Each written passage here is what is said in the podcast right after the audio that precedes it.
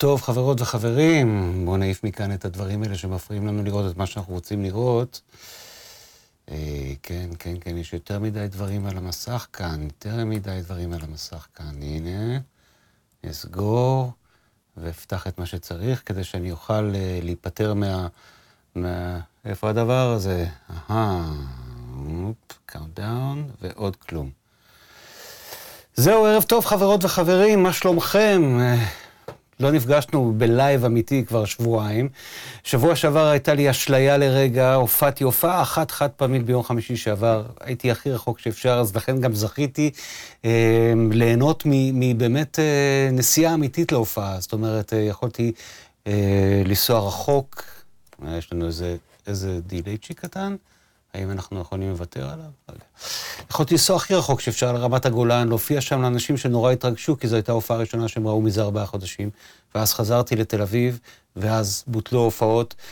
אז זה אומר שאנחנו יכולים להמשיך את העניינים שלנו כאן, אה, ולהיות אה, בלייבים האלה, ולעבוד בזה, ולהיות באולפנים, אבל זה לא כמו הפעם הראשונה, זה לא כמו הסיבוב הראשון של הקורונה. זה כבר יותר מתסכל, זה הרבה יותר קשה מבחינת... אה, מבחינת היכולת שלנו להכיל את זה כלכלית, נפשית, בעיקר כלכלית, ואני חושב שהגיע הזמן להתארגן, ואנחנו באמת מתחילים להתארגן יותר ויותר.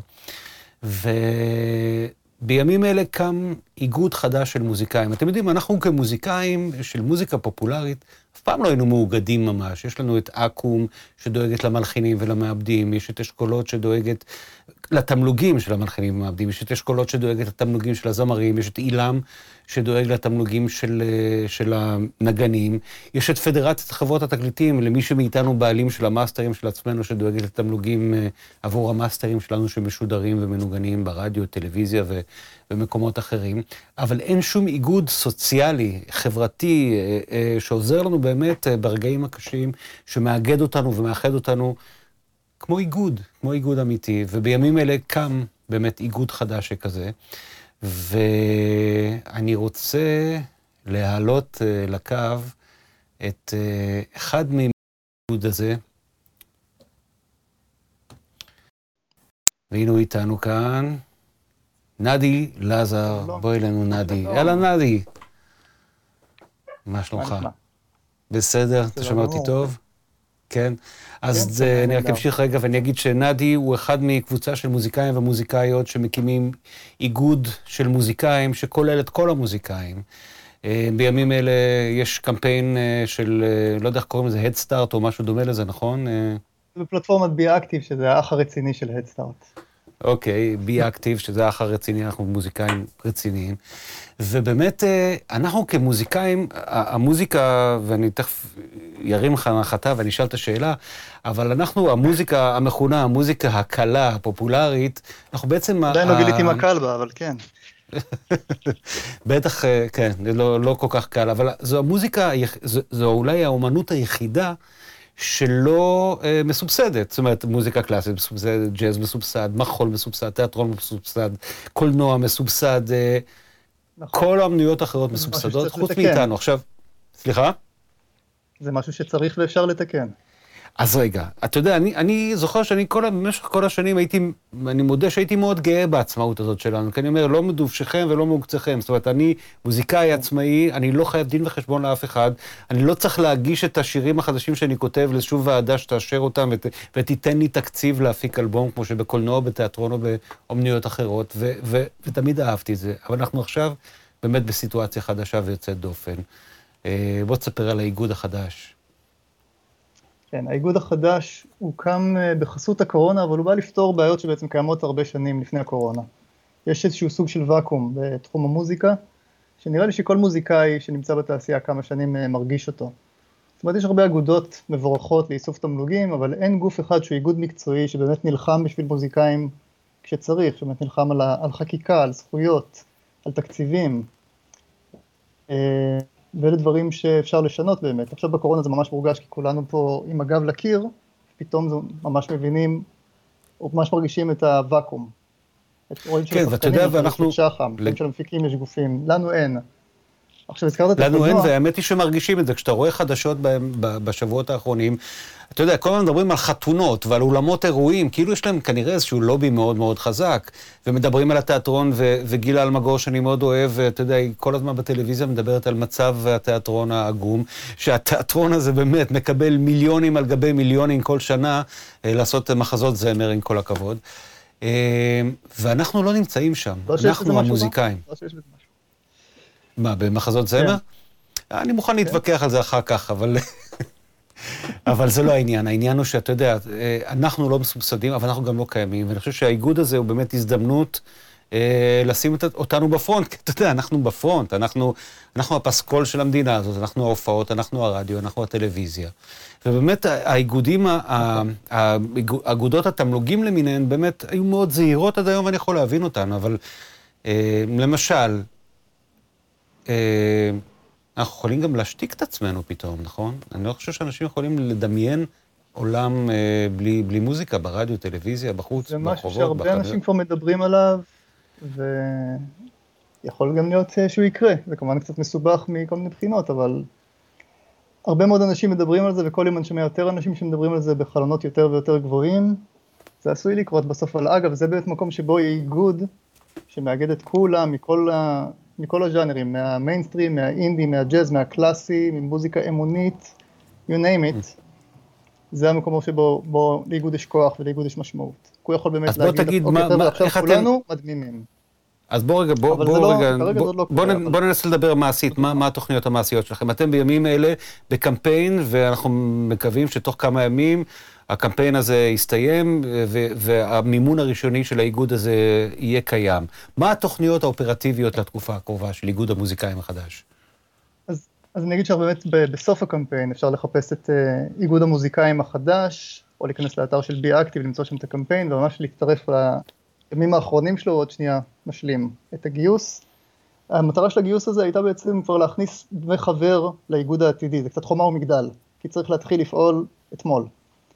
אז התוכנית היא באמת, אה, אנחנו כבר עובדים עם אנשי מקצוע, אנחנו עובדים עם, אה, פירמת ייעוץ כלכלי, אנחנו עובדים עם אה, עורכי דין, אנחנו נעבוד עם לוביסט ברגע שנצטרך לוביסט, כבר דיברנו עם כמה מהם. והרעיון באמת להתחיל לקדם את הזכויות של מוזיקאים ולקדם את המטרות של מוזיקאים שיגנו עליהם כלכלית וחוקית עכשיו בקורונה, אבל גם בלי קשר, יש הרבה מאוד עיוותים שצריך לתקן, דיברת על כמה מהם כבר. למשל, יש את העניין מוזיקאי בכלל לא מוכר כמקצוע, יש הרבה מאוד עניינים כלכליים שנגזרים מהדבר הזה, שאין שום הגדרה של מוזיקאי. אם עכשיו כל מי שהוא עוסק מורשה יודע את זה, הוא לא רשום כמוזיקאי. רשום בבידור ובמה או משהו כזה כללי, שכולל גם שחקנים ומרצים ו... ואפילו מארגני תצוגות אופנה. זה מאפיינים כלכליים מאוד מאוד שונים, ואפשר לטפל בזה, אפשר לשנות את זה, יכול להיות לזה נגזרות לאופן הטיפול במוזיקאים ברמה הכלכלית. זו עכשיו שיחה נורא רצינית שנורא משעממת רוב המוזיקאים. כן, אנחנו הולכים, אנחנו הולכים. להיכנס, אנחנו צריכים להדק את זה, כי אנחנו לא יכולים להיכנס לעומקם של דברים, אבל באמת, אני, אחד הדברים ש, שאני מרגיש בימים אלה אצל הרבה מהקולגות שלי, זה באמת איזשהו בלבול, שהם לא יודעים כמה דברים, הם לא יודעים א', מה הזכויות שלהם מבחינה כלכלית, אבל בעיקר הם מרגישים איזושהי מצוקה, כי הם לא יודעים מה לעשות עם עצמם. לא כל אחד, אתה יודע, הוא יוצר שנכנס לאולפן ומיד מקליט את האלבום הבא שלו בקורונה. זה גם לא, זה אולי התקופה הראשונה של הקורונה הייתה יותר יצירתית והיה בה משהו משחרר, אבל אנחנו לא נמצאים עכשיו בתקופה מי יודע מה אה, אה, עם השראה, בוא נאמר כך. אז אנשים שואלים מה לעשות, ו- ומבחינה נפשית אנשים במצוקה. אז, אז באמת האיגוד, ראיתי נכון. שהאיגוד בהקמה כבר פרסם כל מיני, אה, וזה חשוב לדעת. שאנשים יכולים לראות באתרים השונים. פוסט, כן. אנחנו דיברנו עם, אה, עם ערן, שנותנים סיוע נפשי, אפילו דיברתי איתם על האפשרות של להקים אה, שלוחה ייעודית ל- למוזיקאים או לאנשי אה, תעשיית התרבות, הם דווקא ייעצו שלא, אבל אה, בהחלט אמרו שנפרסם את המספר שלהם, ואספנו עוד פרטים גם מעיריית תל אביב שמנהלת אה, איזושהי יוזמה של סיוע כלכלי ונפשי, ועוד כמה יוזמות טובות, גם של חלוקת אוכל, אפשר למצוא את זה שוב בדף שלנו, של איגוד המוזיקאים החדש.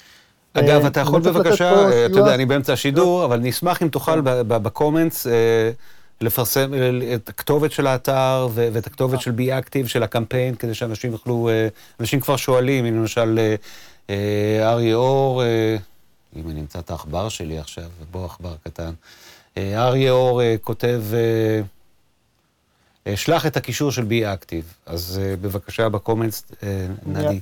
אם אתה יכול. אמ, בשבת יש לנו הפגנה, יש הפגנה בעצם שאנחנו מקווים שתהיה הפגנה, אם כל ההפגנות, של בעצם כל הגופים נכון. אה, של העצמאים, של אנשים שבעצם אה, מרגישים ש- שהמדינה נטשה אותנו, ואנחנו נהיה שם, נכון? האיגוד החדש, המוזיקאים.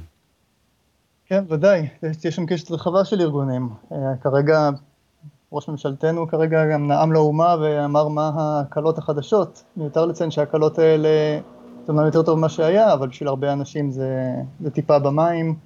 אנחנו עדיין צריכים פה להיאבק, עדיין צריך לשפר עמדות, עדיין צריכים לדאוג שישמעו אותנו, ספציפית מוזיקאים אגב. אה, היו כבר קריטריונים של תמיכה במענקי קורונה, מה שנקרא. הרבה מאוד מוזיקאים לא, לא נמצאו זכאים לזה, בגלל קריטריונים כן. שהוגדרו כן. לא נכון. אף אחד לא מדבר על לתקן את הקריטריונים של מרץ-אפריל.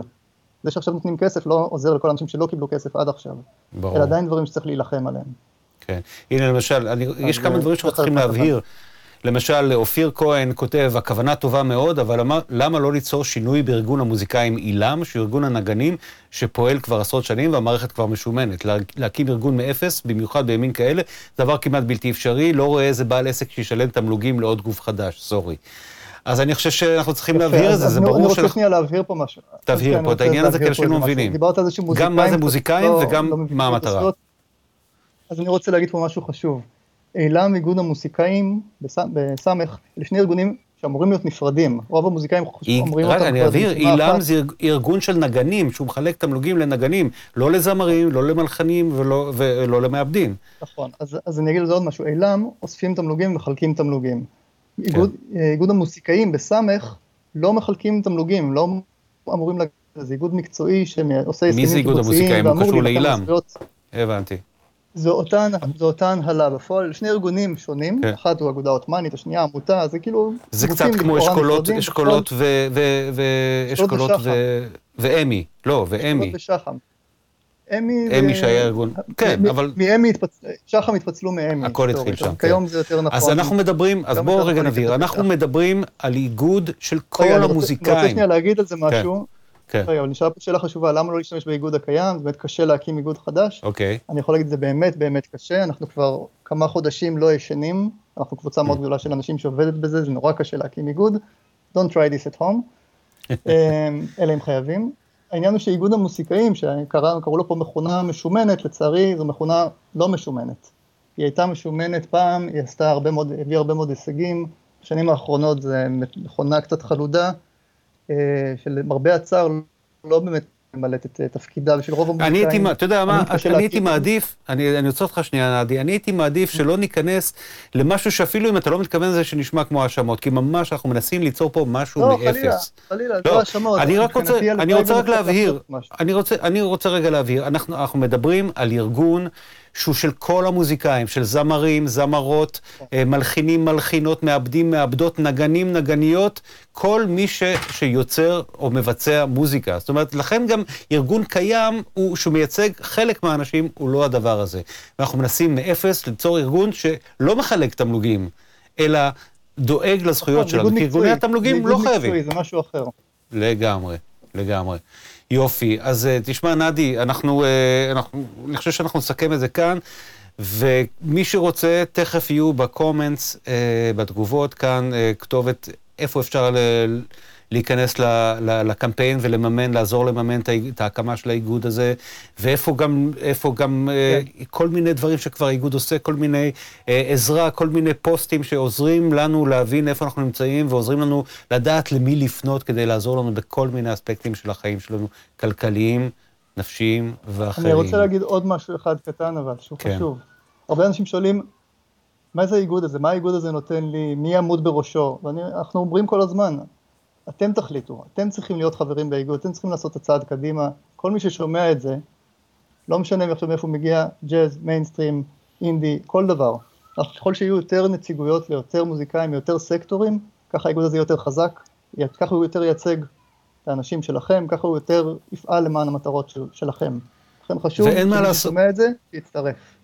כן, ואין מה לעשות, חברים, זה לא, זה לא, אנחנו, יש לנו מסורת של להיות א-פוליטיים, של להיות uh, עסוקים במוזיקה, וגם uh, uh, דורות של מנהלים ואמרגנים חינכו אותנו שמוזיקאי שעושה, ש, שעוסק גם בצדדים האחרים של, ה, של, ה, של החיים שלו, ולא רק במוזיקה, הוא לא מוזיקאי אמיתי. שטויות במיץ.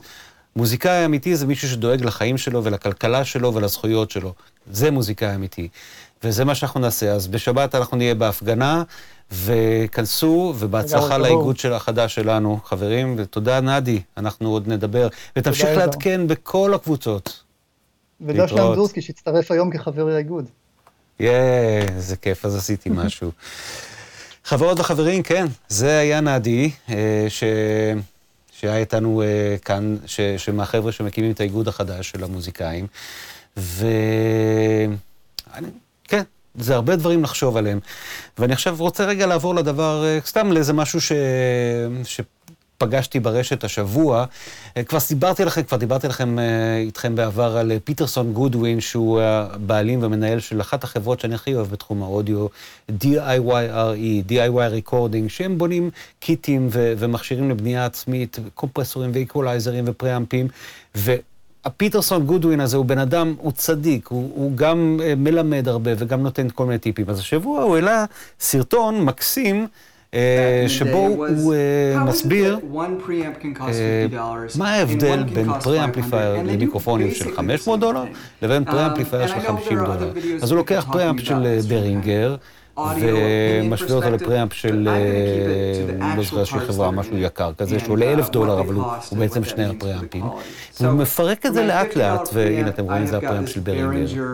והוא מסביר בדיוק מה ההבדלים, וזה נורא מעניין, כי ההבדלים העיקריים הם בדברים המכניים, בדברים שאנחנו נוגעים בהם, ובספק כוח וכל מיני דברים כאלה, אבל בסופו של דבר, המעגל עצמו, שהוא הפריאמפ, שהוא המגביר, שהוא מגביר את הסיגנל של המיקרופון, הוא החלק היותר זול והיותר פשוט. אז זה פיטרסון גודווין, שמדבר על, וחפשו את הוידאו הזה ביוטיוב, DIYRE, 500 versus 50 דולר פריאמפ.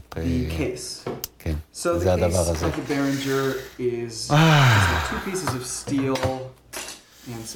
אני אגיד לכם, כן, הכל קצת מבלבל עם הקורונה הזאת, והחיים החדשים האלה, ובאמת ההתבצרות שלנו בבתים שלנו ובאולפנים, וחוסר היכולת שלנו חלק מאוד מהותי מהעבודה שלנו, שזה להופיע ולהגיע לקהל. אז אנחנו כן נתרכז uh, בדבר הזה שאנחנו עושים באולפן, שזה לעשות מוזיקה, ליצור מוזיקה ולהפיק מוזיקה. ואני רוצה, אם אני אמצא שוב את העכבר שלי, יום אחד אני צריך לפתור את הדבר הזה. Uh, ואני רוצה עכשיו לעבור לפינה הקבועה שלנו, פינת, uh, פינת ה, הפינה ש, ש, שהיא בקשר המאוד הדוק בין תל אביב לבאר שבע, בין באר שבע לתל אביב. הפינה של דוד פרץ, דוד פרץ, שהוא הבן אדם באמת עם הידע הכי גדול שאני מכיר על פלאגינים, על הרבה הרבה דברים אחרים, אה, על המוזיקה של ה-60's ועל פלאגינים של 2020, אה, ובטח שיש לו את ההתייחסות הכי מעניינת אה, ופילוסופית לפלאגינים. ערב טוב, דוד. אהלן, אהלן, מה נשמע? בסדר, אתה יודע, בהתחשב בנסיבות, כבר לא גל ראשון. החמוד הזה שהיה במרץ. בגל השלישי לדעתי, היה גל שני כבר חלף, עבר לו, ואנחנו כבר בעמוק עמוק בתוך הנפילה החופשית שלו. לגמרי, אז זה כבר מרגיש קצת אחרת, ו- וכן, וזה מחייב אותנו להיות קצת יותר אה, מיליטנטים אולי אפילו, ו... אז אה, גם בשיחה איתך אני אזכיר את ההפגנה בשבת. ו... צריך, צריך להזכיר, להזכיר את ההפגנה ואת הארגון החדש של המוזיקאים ואת כל הפעילות שאנחנו לעשות, כי אין, אין לנו ברירה, אם לא נתאגד, אה, פשוט ימסו אותנו. זאת העובדה. לגמרי, לגמרי. ואז, ואז יהיה לנו רק, רק זמן אה, להוריד את הדמואים של הפלאגינים, ולא לא כסף לקנות אותם אם אנחנו אוהבים אותם. נכון. כן, איך שזה נראה היום, אני לא יודע אם היית, כן. אבל נראה לי שהחברות התחילו לקלוט שהאדמה בוערת, כי פתאום אתה רואה כל מיני מבצעים, גם של חברות שאף פעם לא עושות מבצעים, כמו קיובט וכאלה. כן. וואלה. אפילו הם התחילו להוריד את הכסף, זה מפתיע. כן, זה סוציאליזם בכוח, מעניין. בוא נקווה שזה יישאר ככה גם, אבל לא, אתה יודע מה, אני לא יודע כבר למה לקוות. אני מקווה שהמחירים יישארו נמוכים, ושהחיים יהיו יותר מלאים בתזרים מזומנים טוב. לגמרי. ואם אני מבין נכון, אז הפלאגין שאתה מדבר, או הסוויטת הפלאגינים שאתה מדבר עליה היום, קשורה באמת לאיזשהו תור זהב של תעשיית המוזיקה. אה, תור זהב וגם מתומחרת כמו תור זהב של תעשיית המוזיקה. האמת שזה אולי טוב שאנחנו מדברים על הפלאגין הזה היום, כי יש לדעתי עוד יום אחד של מבצע, אבל זה פלאגין יקר בטירוף, כן. ומאוד מאוד משמעותי. אתה רוצה שנדבר עליו לפני או שנראה את הוידאו? אז בואו נראה את הוידאו, אני כזה לא הייתי מוכן עליו ככה על הרגע, אבל אז אנחנו נחתוך את זה אחר כך מקסימום. הלו? מעריץ, האמת היא, באמת, אם יש מעט מאוד אנשים שאני מעריץ בתחום המוזיקה, העשייה הטכנית, וזה אחד האנשים שאני פשוט מעריץ אותו. אה, ושמו בישראל? אה, בוב הר צלול. בוב הר צלול, בור קלירמאונטן, בור, בור ללא תחתית, בוב קלירמאונטן, ואנחנו נדבר עליו אחר כך, בואו נראה את הסרטון. זה הר צלול, וזה הר צלול עם בריאן אדמס. זה הר צלול עם ברוס ספרינגסטין, וזה הר צלול עם נייל רוג'רס. וזאת הממלכה של קלירמאונטן. כמו זה אל המיילל תפילות קטנות לאלוהיו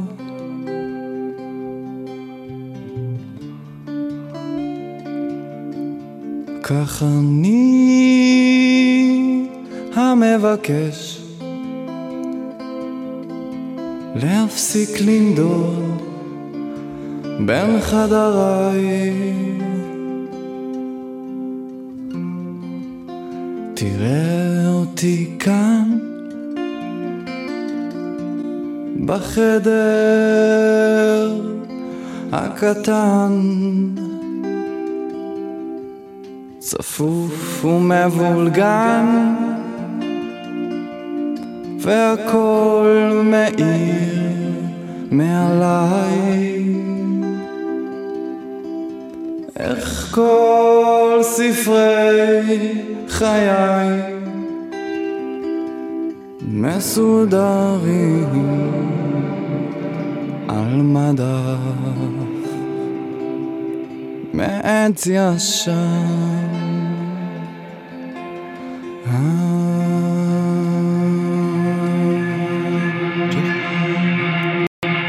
לב רעב, ארוץ אלייך.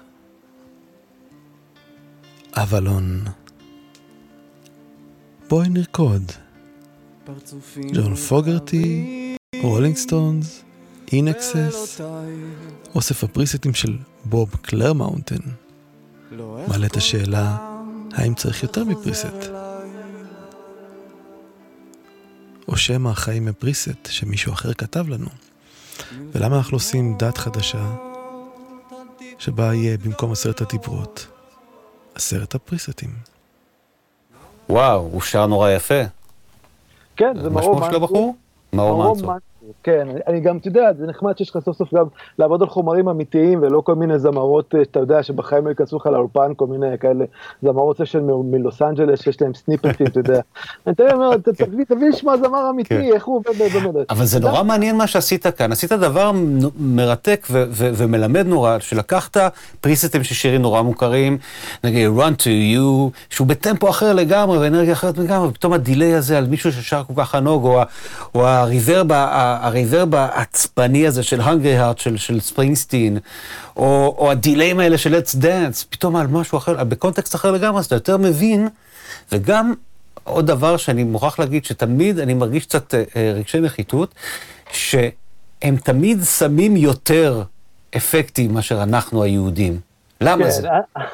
אה, תראה, האמת היא שאני התלבטתי מאוד קשה לגבי הפלאגין הזה כשראיתי, שמעתי עליו, כי הבנתי שמצד אחד אין בו שום דבר חדשני, אין בו שום דבר מקורי, אפילו זה ריברב קונבולושן שאני די מתעב, לרוב, אבל אבל אמרתי לעצמי, אם בוב קלר עושה, אני חייב לפחות להוריד את הדמו ולבדוק, המחיר שלו הוא בשמיים, הוא עולה איזה 400 דולר בשביל ריברב. וואו. אבל, כן, כן, הרבה. עכשיו הוא במבצע בחצי מחיר ב-170 דולר, אז זה גם אה, יחסית חצי מחיר, כן?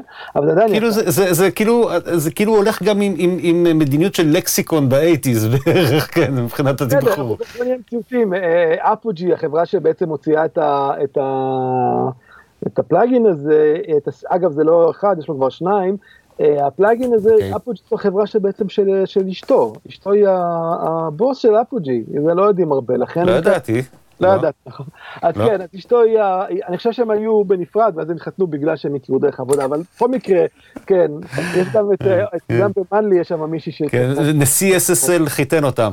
כן, משהו כזה. בקיצור, בוא, בוא, בוא נדבר כאילו שנייה לך, כן. עבור רוב האנשים שלא מכיר את בוב קלירמאונטן, בוב קלירמאונטן הוא, אני חושב שבהרבה מובנים הוא הסבא של כל הטכנאי מיקסים המודרניים היום, כי לגמרי. אם, אם כולם הבנים של CLA ומייקל בראואר, אז בוב קלירמאונטן היה אבא של שניהם.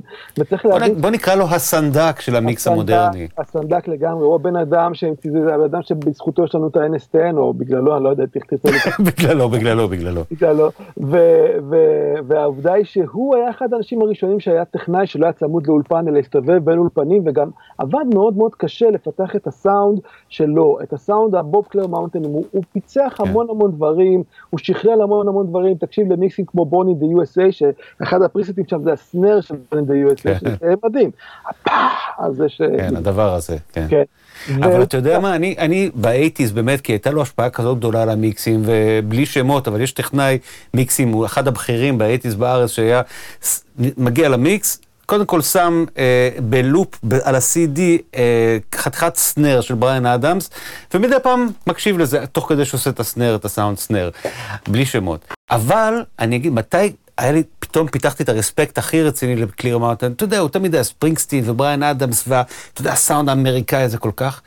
עד שנודע לי, ואני מודה שלא ידעתי, שהוא עשה את המיקס של אבלון, של Roxy Music. של מה? האלבום, זה אחד האלבומים של החיים, אתה מבין? שיש. אתה יודע שעשיתי פעם מחקר. וזה, ואז אמרתי, וואו, כבוד. ו Crowded House, אתה יודע, דווקא הדברים האלה יותר עדינים. כן, גם, אימי מן וגם הוא עשה את הלא של אימי מן, ויש לו גם אלבום שאחד שאני מאוד מאוד אוהב של, אה, אה, נו, של אה, Sunny Came Lately, של שון קול, שזה אוקיי. שם, המיקסים מדהימים שלו, הוא- אלבום הרפרנס המושלם מבחינתי, שון קולבין, ואני רוצה להגיד לך משהו לגבי העניין של אבלון.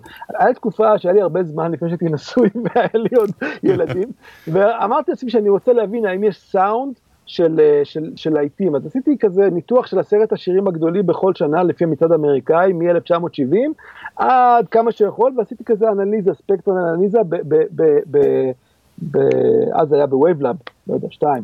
וואלה. אתה יודע מתי נתקעתי? שהגעתי למיקס של אבלון וקלטתי שבואנה, הדבר הזה לא נשמע כמו שום דבר אחר, אין שום דבר שמזכיר בו, פרופורציות לא מזכירות, וזה עדיין נשמע מדהים, זה אחד המיקסים שאתה אומר לעצמך, אגב, יש שם בפריסטים, את אחד הפריסטים הכי יפים שם זה אה, Avalon background vocals. עכשיו, מה הבעיה עם, הפלאגים?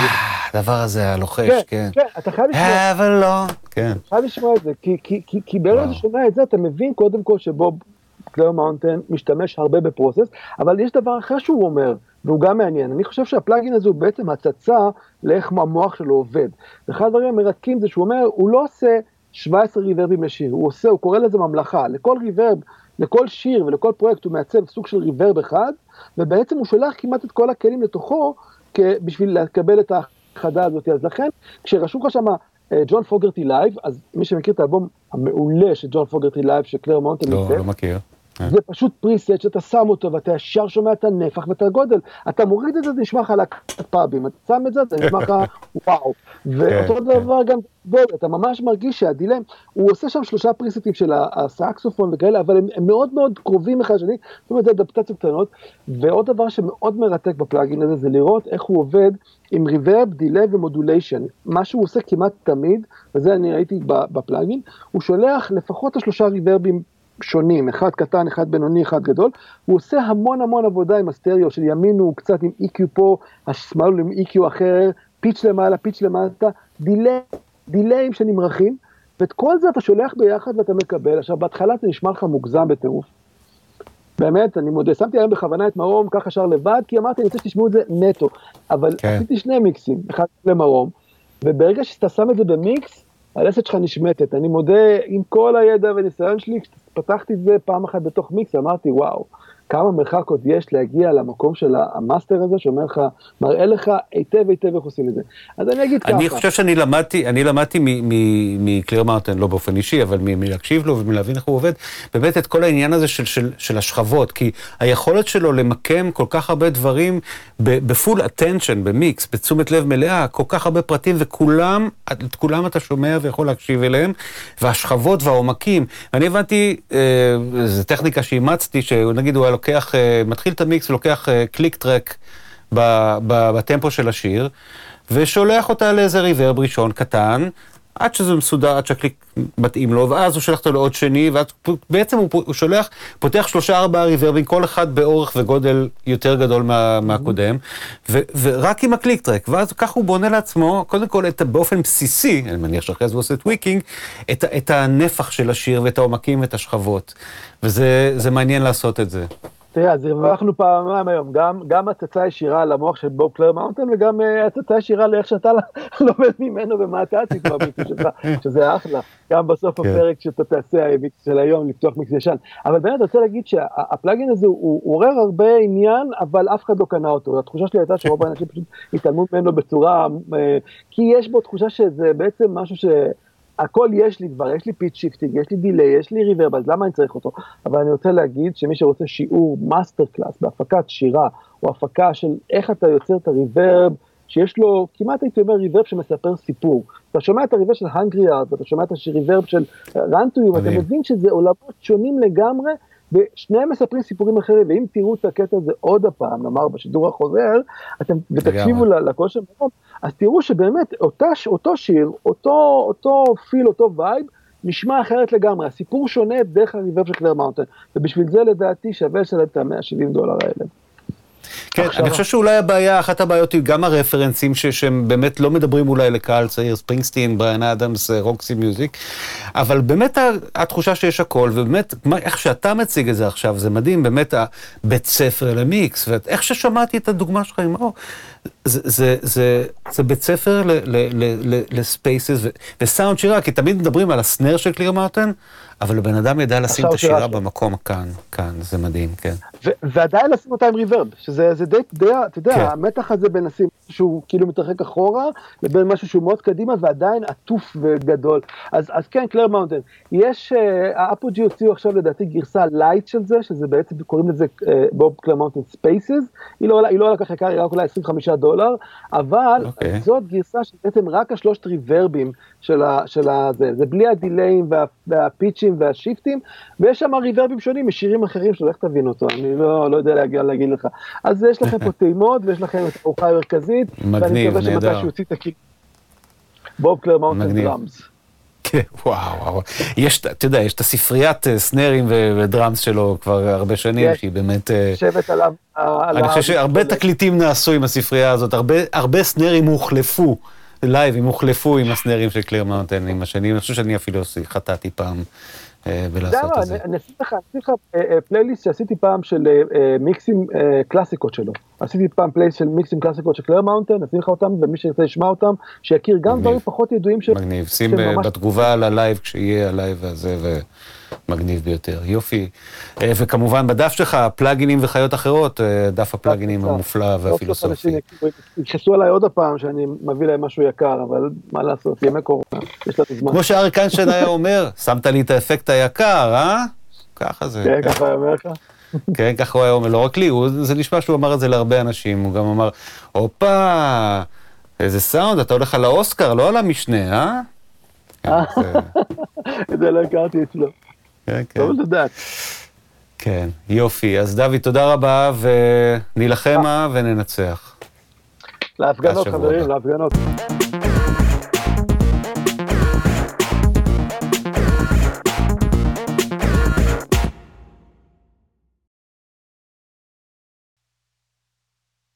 חזרנו, חזרנו, תודה דוד, תודה רבה, איזה כיף. ואני כבר נורא נורא מתרגש, כי אני uh, תכף הולך uh, לפגוש, uh, וואי, אפילו...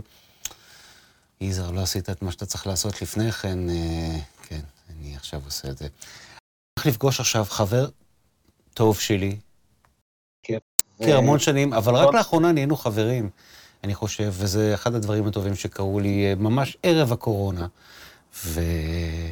והנה הוא. חברות וחברים, לא נעדי לזר, אני צריך להחליף את השם, לא נעדי לזר הנחמד שמקים לנו את הארגון, אלא אסף עמדורסקי שלנו.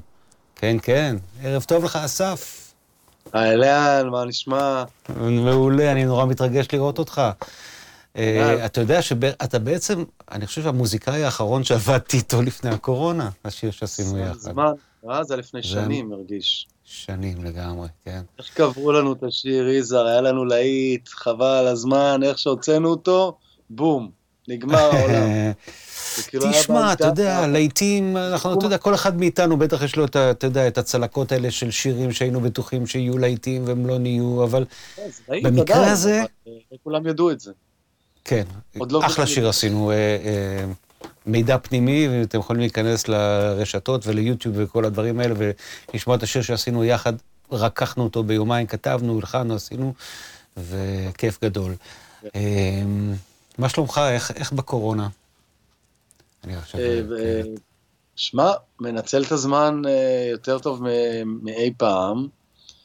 אה, נראה לי שאני, אם ימשיך ככה, טפו טפו, סתם, המצב על האיסטר, כן, צריך ללכת להפגנות וצריך לדאוג שכל הכספים של המיסים ששילמנו, שיושבים כרגע באוצר המדינה, בקופת המדינה, אתה יודע שכשאומרים ירד לטמיון, הכסף שלי ירד כן. לטמיון, אז טמיון, הפירוש המילולי של טמיון זה קופת המדינה. וואלה. ש... כן, שאומרים, לא הכסף שלנו ירד לטמיון, זאת אומרת, לא תראה אותו בחיים. זה הפירוש. כן. אז הכסף שלנו עכשיו, כל המיסים ששילמנו, הם בטמיון עכשיו, הם קופת הם המדינה. בטמיון. ואנחנו צריכים לצאת לרחוב ולנענע את העץ הזה עם הכסף, לבקש שאולי ייפול עלינו איזה שקל שניים, והתחילו ורחימו. אני חושב שצריכים לעשות שני דברים. אחד, זה לקדם אה, חקיקה, כמו שדיברת קודם עם היוזמים נדי וכל מי שמוכן ליזום חקיקה בכנסת, אם זה עם איגוד המוזיקאים, אם זה אה, האיגודים כבר הקיימים, אבל אה, באמת, כמו שאמרת, המחול, האומנות הפלסטית, המוזיקה הקלאסית, כולם מקבלים כספים חוץ מאיתנו, אנחנו גם צריכים לקבל תמיכה, מפני שאנחנו באמת משמרים את התרבות העברית ואין שום סיבה שלא... שהממסד לא יכיר בזה. כן, אבל זה קודם כל אנחנו כאזרחים, עוד לפני שאנחנו מוזיקאים בכלל, זאת אומרת, יש פה בעיה הרבה יותר עקרונית. יש פה שני עניינים, אחד זה שאנחנו, המדינה שלנו מובלת כרגע על ידי אה, פושע נמלט, אה, שהוא ראש משפחת פשע, שעובד אך ורק בשביל אה, טייקונים ועושה תחבולות, כבר יותר מדי שנים, והוא צריך לשבת בכלא, ויפה שעה אחת קודם, ובשביל זה אנחנו גם צריכים ללכת, ולא רק בשביל העוד אלפיים או עוד שמונת אלפים שקל, צריך לצאת לכיכרות גם בשביל הפרנסה הפרטית שלנו, אבל גם בשביל אה, לדאוג שמי שלא מואשם בתיקים פליליים, אה, יוכל לנהל את המדינה שלנו בראש שקט. ואם אה, כן. מר הנאשם מבלפור אכן, אני רק אשאיר את המשפט, אם הוא כן. אכן אה, זכאי, שילך למשפט, יוכיח שהוא זכאי, ויחזור לחיים ציבוריים, אבל כרגע אין שום מקום לאדם שנאשם בתיקים פליליים אה, לנהל את חיינו, בטח לא בתקופה כל כך סוערת, אבל גם לא בשום תקופה אחרת. אה, ו- ועל זה גם אנשים... כך... כן, אתה יודע, אבל הדברים, אנחנו באמת בתקופה נורא משונה, כי הדברים הצטלבו באופן באמת גורלי. כי כשאנחנו, כשנכנסנו לתוך הקורונה, זה היה יחד עם כל... יחד כן, עם העניין המשפטי והפוליטי. תמיד כשהפשיסטים עולים לשלטון זה בזמן גורלי. זה היה כן, ככה תמיד בהיסטוריה. כן, אבל אני חושב שאתה יודע, אנחנו הלוא חיים במדינה עם אנומליה מוחלטת על האנשים, וזו הכללה גסה. הרבה מהאנשים שהכי סובלים עכשיו, הם גם אנשים שמצביעים לראש הממשלה הזה, ואני חושב שכולם באיזשהו מקום איבדו אימון בכל פוליטיקאי. זה כבר, בין אם הוא גר בבלפור, או בראש העין, או, בשכונה אחרת. אני חושב שיש כמה פוליטיקאים שעדיין אה, יכולים לקבל את הקול שלנו, אנחנו יודעים שהלב שלהם נמצא במקום הנכון, והמעשים שלהם נמצאים במקום הנכון, וזה לא נכון להכליל, זה כמו להגיד ש... אתה יודע, שכל השוטרים מרביצים, זה לא נכון. לא, לא, אני לא אמרתי, אני לא מכליל, רק אומר שזאת התחושה, ואתה לא יכול... התחושה היא של ייאוש, וגם הייאוש הזה הוא, הוא גם סוג של כניעה, אנשים יושבים בבית, אומרים, טוב, זה מה יש, מה, אנחנו לא נצא לרחובות, לא באמת. אז נכון, צריך. אבל זה גם בגלל הנוחות, זה הנוחות. אבל עוד מעט הדוד שיעשה לנו טובה גדולה, ויסגור את הפייסבוק ואת כל הרשתות החברתיות, ואז לא תהיה לנו ברירה אלא לצאת לרחוב, ולהתמודד, ולהתמודד עם הטייזרים, אין מה לעשות. נצטרך להתמודד. איך מדברים על מוזיקה בתקופה כזאת? אה, כמו שאמר לי פעם אה, תום מוכיח, על מוזיקה לא מדברים וארכיטקטורה לא רוקדים. אנחנו... שזה ציטוט, שזה ציטוט לא לגמרי מדויק של גראוצ'ו מרקס, שהוא אמר, לדבר על מוזיקה זה כמו לרקוד על ציור, כן. כן, יפה, יפה. אז, כן, אז, אז, אז מוזיקה עושים, ועושים הרבה, כן. ועושים בריכוז רב. אני מאז uh, uh, תחילת מרץ uh, השתקעתי באולפן, סיימתי אלבום שהיה לי במגירה משנת, uh, uh, משנת uh, 2018. Uh, סיימתי אותו, עשיתי לו עטיפה. אני זכיתי לשמוע, וזה נורא נורא יפה. לגמרי. תודה רבה, כן. מאוד מחמיא. אה, תודה על העצות גם, במיקס ובמאסטרינג, כן. וחוץ מזה יש לי עוד פרויקט שאני מקליט כרגע עם ג'אנגו ועם אה, רון בונקר ועם אה, טל כוכבי ויונתן דסקל, אה, מין חמישייה כזאת. טל כוכבי אני לא מכיר. טל כוכבי אני לא מכיר. טל כוכבי אני לא מכיר. טל כוכבי הכי טוב בעולם, שבמקרה הוא פה מדבר עברית וגר בנס ציונה, אבל הוא אי שם בצמרת המוזיקאים העולמית. וואו. והוא נאות לנגן איתנו. אז יש פה אלבום קונספט בנושא... ישראלי מאוד.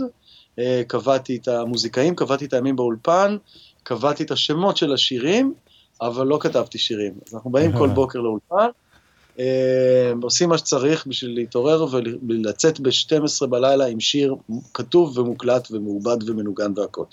אז כן, צד זה, ראשון... זה משהו שהוא אפשרי, בטח איתך, אני, כמו שעשינו את השיר שלנו, זה כי באמת יש לך את כל היכולות האלה, מי, כולל המילים והכל. אבל רציתי לשאול אותך, תגיד, אתה, אתה, אתה יודע, יש מוזיקאים ויש יוצרים בכלל, אה, אומנים, שמאוד חשוב להם לפעמים המגבלות, אתה יודע, כשאתה יוצר לעצמך מגבלות כדי ליצור, כמו שאתה מתאר עכשיו, אתה אומר, יש לי שמות, יש לי נגנים, יש לי תאריכים, עכשיו צריך לצקת בזה תוכן. אתה, זה, זה מפעיל אותך, המגבלות האלה? בטח, מאוד. גם... Uh... לפני איזה, לא יודע, ארבע שנים יצא לי, הייתי כבר בסוף אלבום שארך שנים לסיים אותו, ולא ידעתי מתי אני אסיים אותו. ונסעתי ושמעתי פתאום הרצאה של בריאן אינו, היה רדיו כזה, רדיו, Red Bull Music, Red Bull Academy Music, whatever, Red Bull Music Academy Radio. שכבר לא קיים, אבל היו שם, היה שם הרצאות שנקראות fire chat, זאת אומרת, יושבים בצל האח ומדברים. אה, שמעתי שם הרצאות של לורי אנדרסון ושל כל מיני אומנים שבשבילי זה דברי אלוהים חיים. אחד הדברים שזעזעו אה, אה, אותי והעירו אותי לפעולה, זה שבריין ילו מדבר על זה שאין אף אלבום מופת בהיסטוריה של המוזיקה שלא נעשה מתוך מוגבלות של תקציב ושל זמן. דדליין ובאג'ט. ו... ואז בדיוק סיימתי את האלבום היקר ביותר בחיי, שלא ידעתי מתי אני אסיים אותו, ושמעתי את המשפט הזה, ו... ומאז אני משתדל אה, שזה יהיה אה, חוק מאוד מאוד... אה, חשוב. כן, אז... אתה יודע, זה חשוב, אבל אנחנו, אני חושב שכבר דיברתי על זה בעבר, גם כשדיברתי עם לואי להב, כל אחד מאיתנו יש את הצלקת הזאת של האלבום שהסתבך. אני מניח שגם לך, אולי לא, ואז אשריך, אבל גם בריאן אינו, אתה יודע, אני יודע כמה זמן לקח Achtung Baby באמת, אז שלא סתם אספר אה, לנו סיפורים. לא, כן. אתה יודע, אולי היה להם דדליין מאוד מאוד ארוך ותקציב מאוד מאוד גדול, אבל עדיין היה מוגבל. אני לא יודע, אבל מה האלבום שלך שהסתבך? אז סיפרתי על זה, דיברתי על זה, אה, לא יודע אם דיברתי על זה, האלבום שלי שהסתבך זה האלבום השלישי של אתי אנקרי שהפקתי. ואלבום שמסתבך זה, אתה יודע, זה בכוכבים, אתה לא יודע, זה, זה, זה מתחיל ב... אנשים שהם, אה, המפיק, תגיד על את ינקי בכוכבים, זה עבודה, זה עבודה זרה, לא אומרים. לא, אז היא עוד הייתה בכוכבים, אני חושב שזה אומן שנמצא באיזה, צומת אה, רגשית, נפשית אה, בחיים. ו- ולא לגמרי נכנס ב- ב- בלב שלם לתוך הפרויקט, ו- והמפיק שאולי לא מבין בדיוק איפה האומן נמצא, ו- ו- ו- ונוצרים דיסוננסים, למרות שזה נשמע יפה. ואז בדרך כלל זה מסתבך במיקסים, אומרים, אוקיי, נכנסים למיקסים ועוד פעם, ועוד פעם, ועוד פעם, ועוד פעם, ועוד פעם. והאלבומים האלה שעולים המון כסף בסוף, לוקחים המון זמן, וגם איכשהו הקרמה שלהם לא טובה, והם גם פחות מצליחים בהרבה מקרים. אה, אה, כן, אז יש כאלה לגמרי. לך היו כאלה? אה, אני, הנה, האלבום האחרון שלי פה, זה אלבום שלא נורא הצליח, אבל, אה, אבל אה, אני עכשיו הולך לפצות בסדרה של אלבומים שתכס, שתכפה על זה ותתקן את, הרושם. אתה יודע, אני, אני חייב, אני מודה, אתה יודע, אנחנו, גילוי נאות, אנחנו מכירים עוד לפני שהכרנו, הרבה שנים לפני שהכרנו, כי, כי האבות שלנו היו חברים בגלגולים קודמים. ואני מודה, אתה יודע, שהתחלתי, שהתחלת אה, לעשות את הדברים, את המוזיקה שלך, קודם כל בתערובת אסקוט ואחרי זה, לאט לאט גיליתי באמת שאת משהו אחר, באיזשהו מקום גם... אה, אהבתי לראות איזה סוג של מוזיקאי בך ש, שקצת מקביל לדרך שלי באיזשהו מקום, להקה והפקה ו, ומוזיקה. ו... אבל כאילו אתה עם הייחוד שלך והכתיבה שלך והדבקות שלך בצליל ובאסתטיקה שהיא באמת אה, יוצאת דופן. ואני חושב שאתה אולי המוזיקאי הישראלי אה, היחיד שאני מכיר שבאמת גם הגיע לאלקטרוניקה ממקום אמיתי. זאת אומרת, אתה, אתה מוזיקאי מיינסטרים הישראלי, ומרשה לעצמי לקרוא לך מוזיקאי מיינסטרים, אה, ש, שגם די-ג'יי, ושעשה את זה לא כתחביב, אלא באמת לאורך זמן. איז, ההשפעה הזאת של אלקטרוניקה על, על אקוסטיקה, על הכל, על מוזיקה, אה, הכל כלים. שמע, אני חייב לך, להשיב לך במחמאה, אבל בתור אחד שגדל על המוזיקה שאתה כתבת, ניגנת, שרת, הפקת, אם זה התחיל באלבום הראשון של טיסלאם, שהיה אלבום מאוד רוקי, רוק אמריקאי, ואז האלבום השני של טיסלאם, שהביא את כל הסאונד של הסימונס ופתאום סינטים, ומאוד אה, אה, אה, נוצק לי בתור ילד אה, צעיר, בדפוס המחשבה, בשלב מאוד מאוד מוקדם, וכמובן שלאחר מכן הדברים שעשית אה, אה, בתחום ההפקה המוזיקלית, גם של אחרים, אם זה עפרה חזה, ואפילו אדם, שכאילו כבר לא הייתי בקהל היעד של זה, אבל מאוד התרשמתי מה production value, ומה... איך עושים אומן שהוא לא אתה. זאת אומרת, איך בונים מישהו שאתה הוא כמו ה puppeteer כזה, אתה עם החוטים מלמעלה עושה, עם כל הכבוד לאדם ולכישרון שלו כ performer, אבל זה היה נראה שזה, שזה מין פרויקט שלך ושל אלונה יותר, אה, לי אז כנער, ו... אה, יודע, כשגדלתי לתוך הסאונדים האלה, אז להגיד עליי מוזיקה אלקטרונית זה כזה, מה... לא, בסדר, קודם כל אני לא אוהב את המושג הזה מוזיקה אלקטרונית, אז אני מצטער ומתחרט ומוחק את זה. אני מדבר על הגישה שלך... יש משהו, אתה יודע, יש משהו בישראל, אנחנו הלוא... אה, ואתה איכשהו גם קשור למסורת הזאת, אפילו באלבום החדש שלך, שעוד אף אחד לא שמע, ורק אני שמעתי, שהוא באמת מתכתב עם איזה תור זהב של מוזיקה ישראלית בשנות ה-70, אז באמת, יש משהו ב- ב- ב- ב- בישראל של אנחנו תואר השפה ושירי משוררים, והכל נורא ברצינות. ואתה הלכת למקום, אה, במקביל להיותך יוצר רציני ו- ו- וכולי, אה, למקום הזה של, של הרגליים, של הריקודים, של, של הביט, של, ה, של המקום הזה של המועדונים, שזה מאוד יוצא דופן לאומן, למוזיקה ישראלית.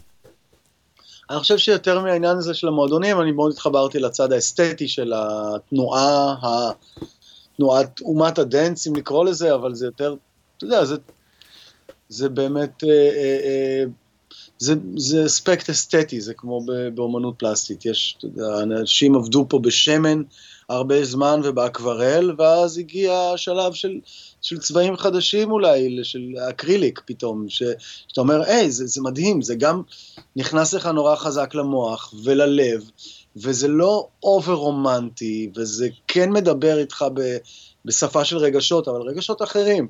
אז נורא מהר אימצתי את השפה הזאת של... resampling, של לקחת משהו מעולם צלילי מוכר ולסמפל אותו ולשדך אותו לעולם אה, אה, מוזיקלי אחר ולעשות את הסימביוזות האלה בין פאנק לדנס, בין לסמפל את הסטוג'ס ולהצמיד את זה לגרוב של איזה אה, רייב, אתה יודע, אז, ואני באמת חושב שהדברים האלה גם ככה השפיעו אחד על השני, אז רק הדבר היחידי שעשיתי שהוא מיוחד זה ששמתי על זה את, את העברית.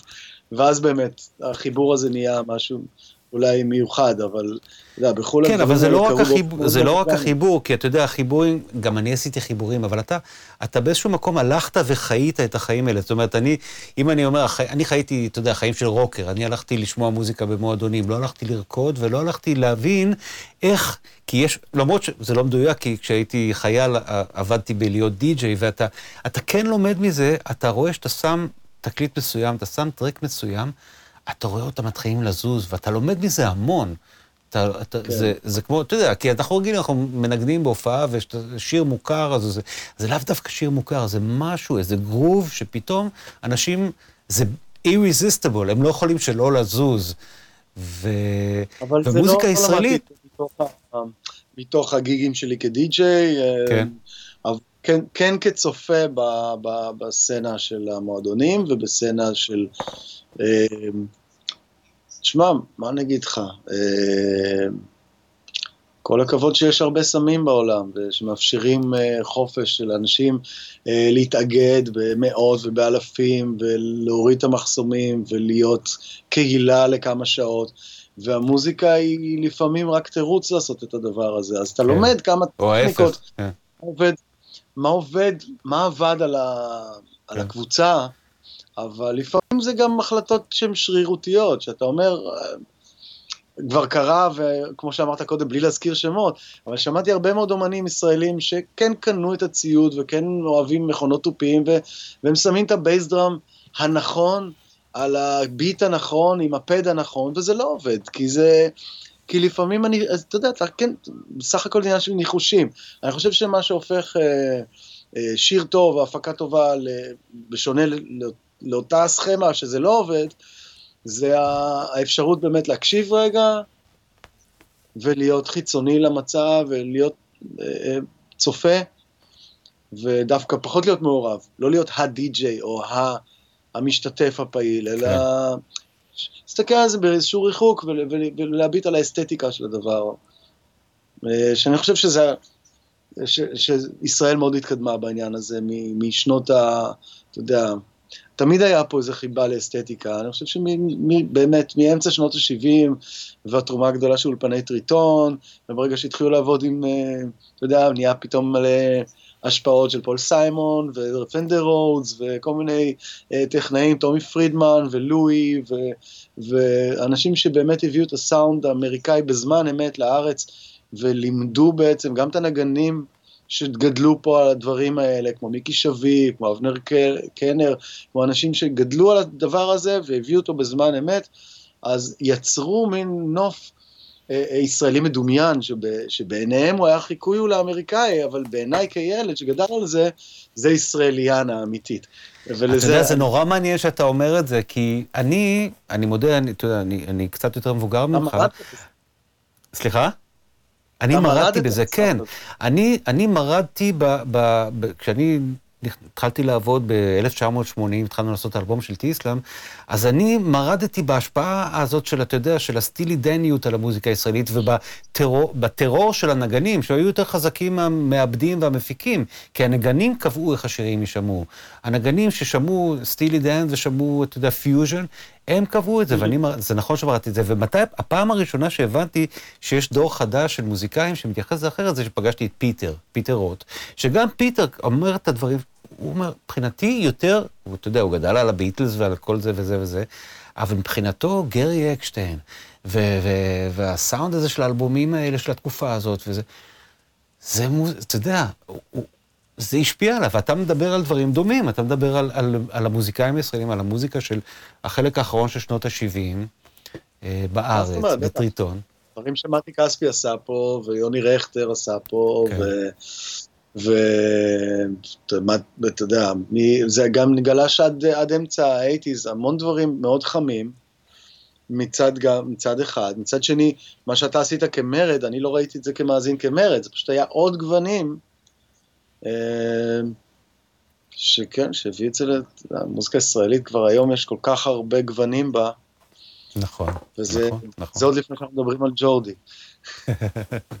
כן, שהוא אולי, אתה יודע, הוא, הוא, הוא אבן דרך משמעותית בהתפתחות של, ה, של, של המוזיקה הפופולרית הישראלית, ללא ספק. אני, אתה יודע, ו, ואולי הוא, הוא קיבע, והוא והדור שלו, את, את, את הנתק הסופי, את הניתוק הסופי מההשפעה של הרוק על המוזיקה הישראלית. אתה יודע, עידן הרוק מת באיזשהו מקום. זה לא שאין אה, רוק, יש, אבל... צעירים. מדובר באנשים צעירים שלא גדלו על רוק. לא, איפה הוא שמע רוק? לא שמע את זה, אז למה שזה ישפיע עליו? כי הרוק, באמת, הוא כבר, אתה יודע, הוא, הוא, הוא, הוא, הוא הורד מכיסא המלכות, כ, כהמעטפת האסתטית של, ה, של העולם הזה, לא רק כסגנון, היום נשאר כסגנון. תגיד, אתה אוהב להפיק? אתה אוהב להפיק אחרים, אומנים אחרים? שמע, עם הזמן, אה, פחות ופחות, אני מאבד סבלנות יותר ויותר מהר, ואני גם בכלל אה, חושב שכל פעם שאני אפיק משהו, זה יהיה על חשבון תקליט שלי, ואני... אה, יודע, אני אוהב לעשות כל מיני דברים, אני אוהב לערוך, ואני אוהב לצלם, ואני אוהב לבשל, ואני אוהב להרקיד, ואני אוהב... אז מה? צריך להתגבר על זה, לקחת את ה... אה, את, ה, את השליחות והאחריות ולייצר אלבומים טובים בארץ, אני חושב שזה כאילו... אתה יודע, אתה אומר, אתה אומר אלבומים, אלבומים, ואתה יודע, ואנשים אומרים לי, מה זה אלבומים? כבר לא קונים אלבומים. אה, אין, מה זה אלבום? הם גם למה... לא קוראים ספרים. קוראים. אה, לא, אבל אני ארים, אני מרים לך להנחתה, כי לי יש את התשובה שלי למה האלבום אה, אה, כ, כ, כתהליך יצירתי הוא, הוא עדיין קיים ויהיה קיים ו, וחשוב. לא משנה איך תוציא אחרי זה את השירים, בנפרד, אחד-אחד, רק את הפלייבק או, או כאסופה. אה, אתה אוהב לעשות סינגלים? שירים? אה, אני חושב שזה פחות, מש... פחות מושך אותי מבחינה אה, אה, אתגרית. אה, אני אה, לא יודע, אני חושב ש... לא, לא, אנחנו, אני שמעתי את השיחה שלך עם פיטר, אפרופו, אה, לא כן. מזמן, שדיברתם על העניין הזה, דיברתם, הוא הזכיר את העניין הזה, שכאילו אין להקות יותר, והכל כזה סינגלים, ו, ורוצים מאוד לעשות סינגל שיצליח ברדיו, ושוכחים את השירים היפים שיש באלבום שלא נועדו להיות ברדיו. ונורא התחברתי לשיחה הזאת, מפני שאני חושב ש... אני לא מעניין אותי מה הם מנגנים ברדיו, שיזדיין הרדיו, אני רוצה לשמוע תקליטים יפים, זה מה שבא לי. ואני רוצה לשמוע תקליטים יפים, ואני רוצה שיעשו לי תקליטים יפים בתור מאזין. אני, כשאני שומע תקליט חדש של מק דה מרקו, או תקליט חדש של קונן מוקאסין, זה לא מעניין אותי אם הם ישמעו אותם ברדיו, לא ישמעו אותם ברדיו. לי יש את האלבום, את הוויניל, את הספוטיפיי, אני לוחץ play, תודה רבה, איזה כיף.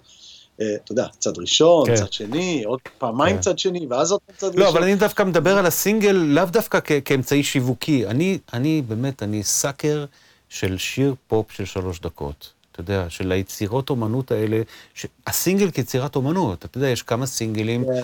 ש... שזה, אתה יודע, זה, זה הדבר ש... של החיים שלי, ש... שאתה יודע, אה, לא יודע, River Deep Mountain High של פיל ספקטור עם טינה טרנר. זה מין פנינה.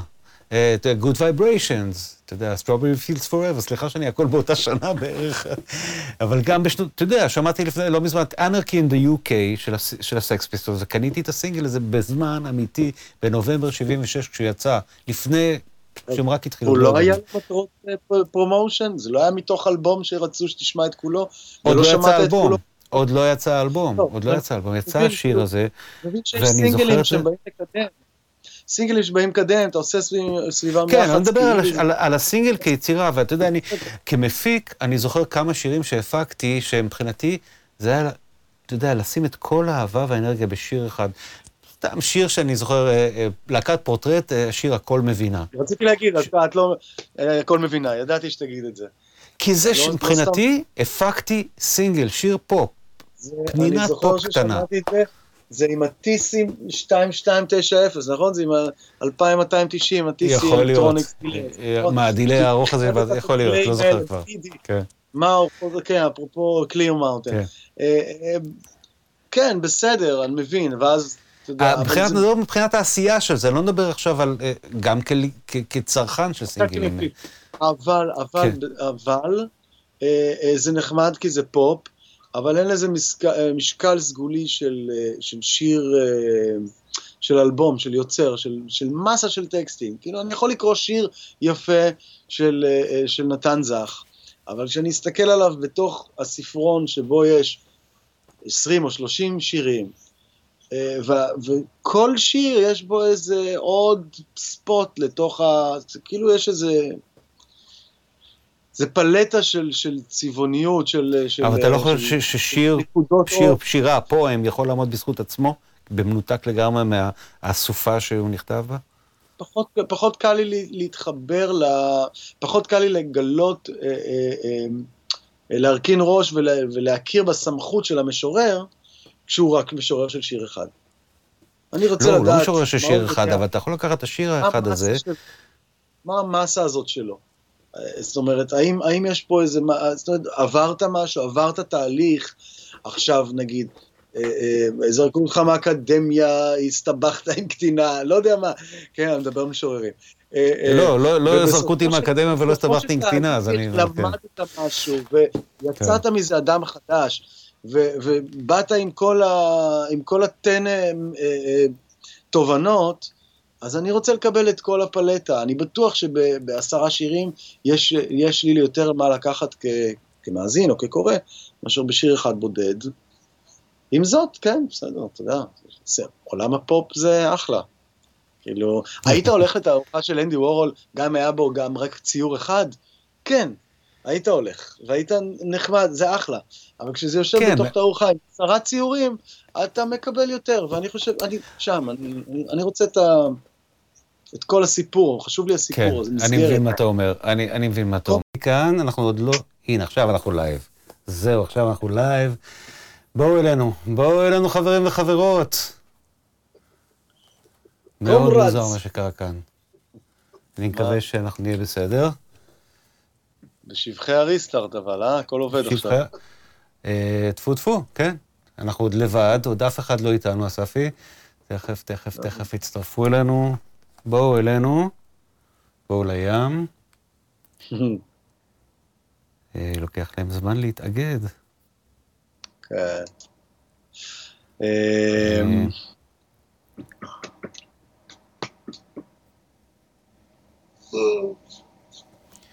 כן, יש לנו כבר, זהו, אנשים מתחילים לחזור, בואו, תספרו לחבריכם, לחבריכם, שאנחנו פה ושאנחנו באוויר, ואסף ואני עוד מדברים.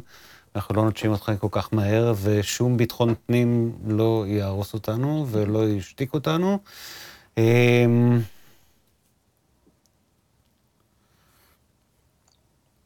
כן, יש, מה?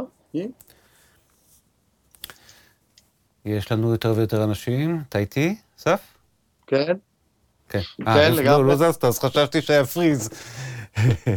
רציתי לשאול אותך, אתה יודע, אתה סיפרת לי כשעבדנו ב- בינואר, כשעבדנו על השיר שלנו, אז, כן. אה, כן.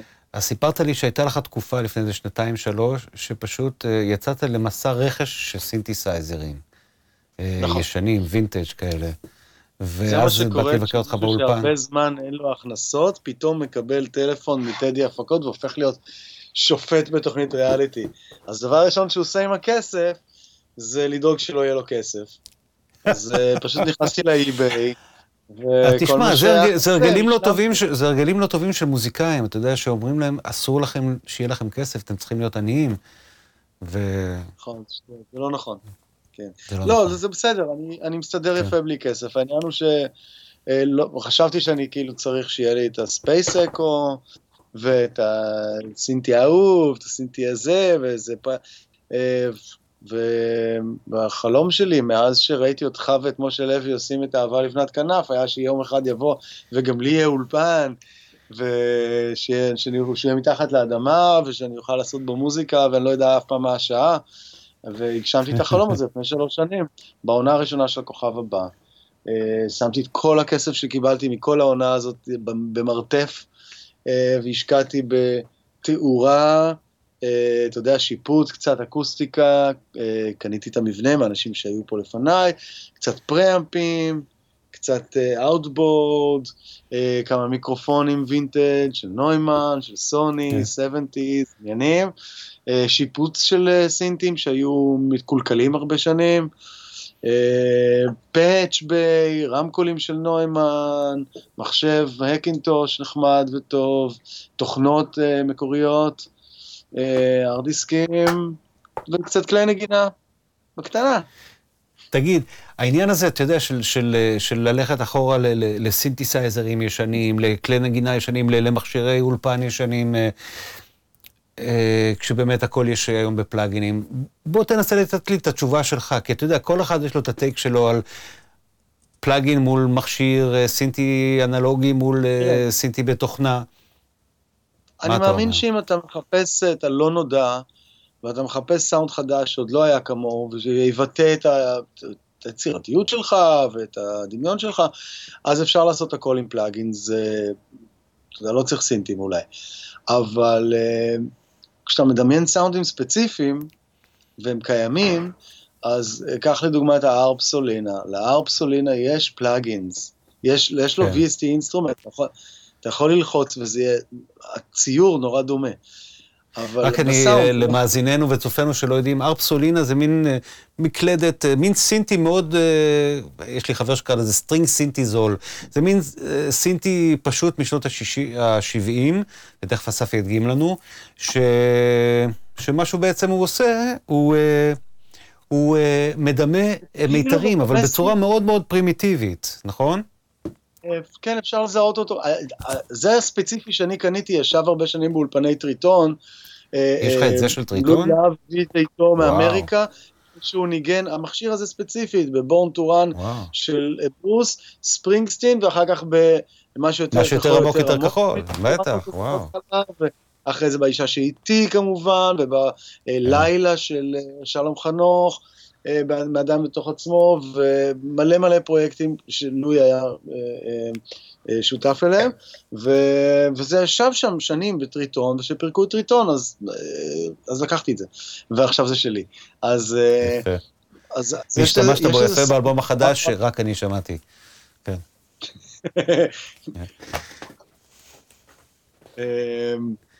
אז, אז כן, אז כשיש סינטים ספציפיים שאתה יודע שהם יביאו אותך למקום ספציפי, זה גם עניין של רפרנס, זה כמו רפרנס תרבותי, זה, זה כמו לקחת uh, חתיכת, uh, לא יודע, השמלה שלבשה חנה רובינה שהיא בהצגה הדיבוק בהבימה, ולהשתמש בשמלה עצמה, עבודה למשל מאוד מעניין שסיגלית לנדאו עשתה, אה, לקחת משהו מאוד מאוד ספציפי מתוך עולם תרבותי מסוים, אז גם כשאתה לוקח סינטי כמו הארפסולינה, אה, אה, אז אתה יודע שאם תשים דברים מסוימים זה קצת יזכיר את העבודה נגיד של סוף ה-70's של בואי, לתקליטים לואו והאלבום של... כן, Low מתחיל עם Warszawa, כן, עם הסאונד הזה, כן. כן, Sound and Vision, יש את הדבר כן. הזה, ואפרופו, Sound and Vision, אז יש שם את ה line הזה של ה-ARP Solina, וכדומה, גם לגבי מכונות תופים, ו-Juno 60, וכל מיני כלים שהם כל כך, אה,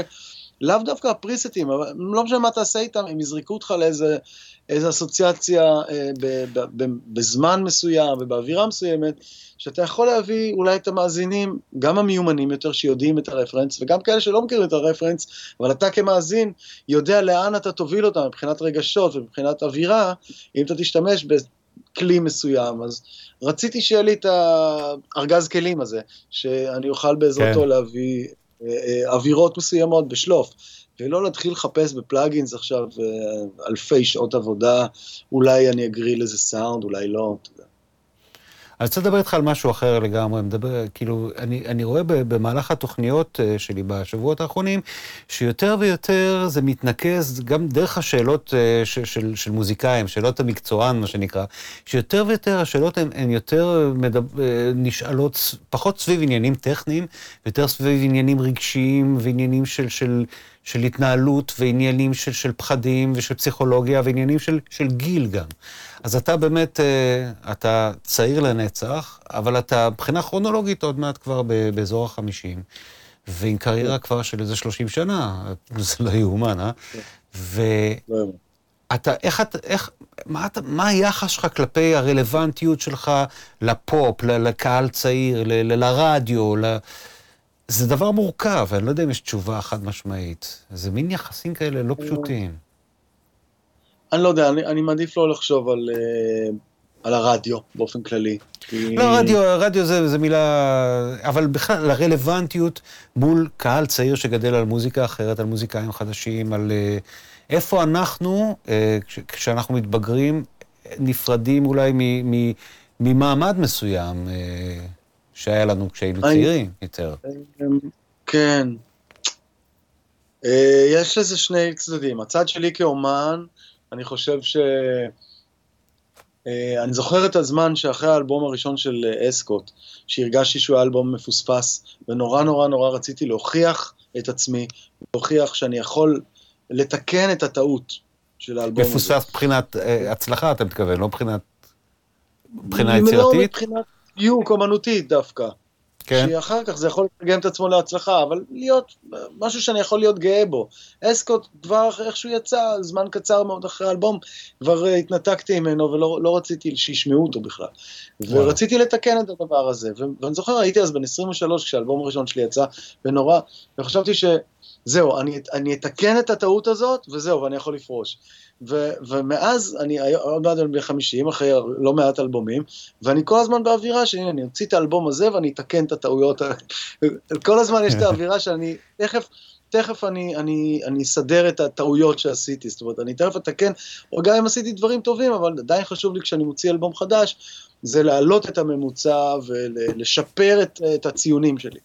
אה, אז זה מצידי תמיד איזשהו drive אה, מחדש, אה, לא להיות באיזה רמה כזאת של לאות ומורדמות.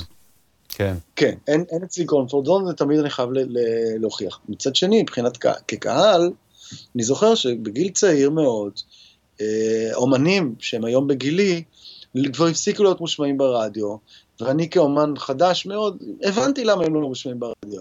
אתם את שלכם תרמתם, אתם את שלכם כבר עשיתם, והיום זה כבר פחות אה, רלוונטי לרוח הזמן, ואתם לא התקדמתם עם הזמן, ואתם קצת גם אה, אה, פחות טובים ממה שהייתם כשהייתם צעירים, רואים את הכרס הקטנה, את הדלדול, גם בחומרי הגלם, גם ברצון שלכם ממש, אתם כבר פחות רוצים, רואים את זה עליכם.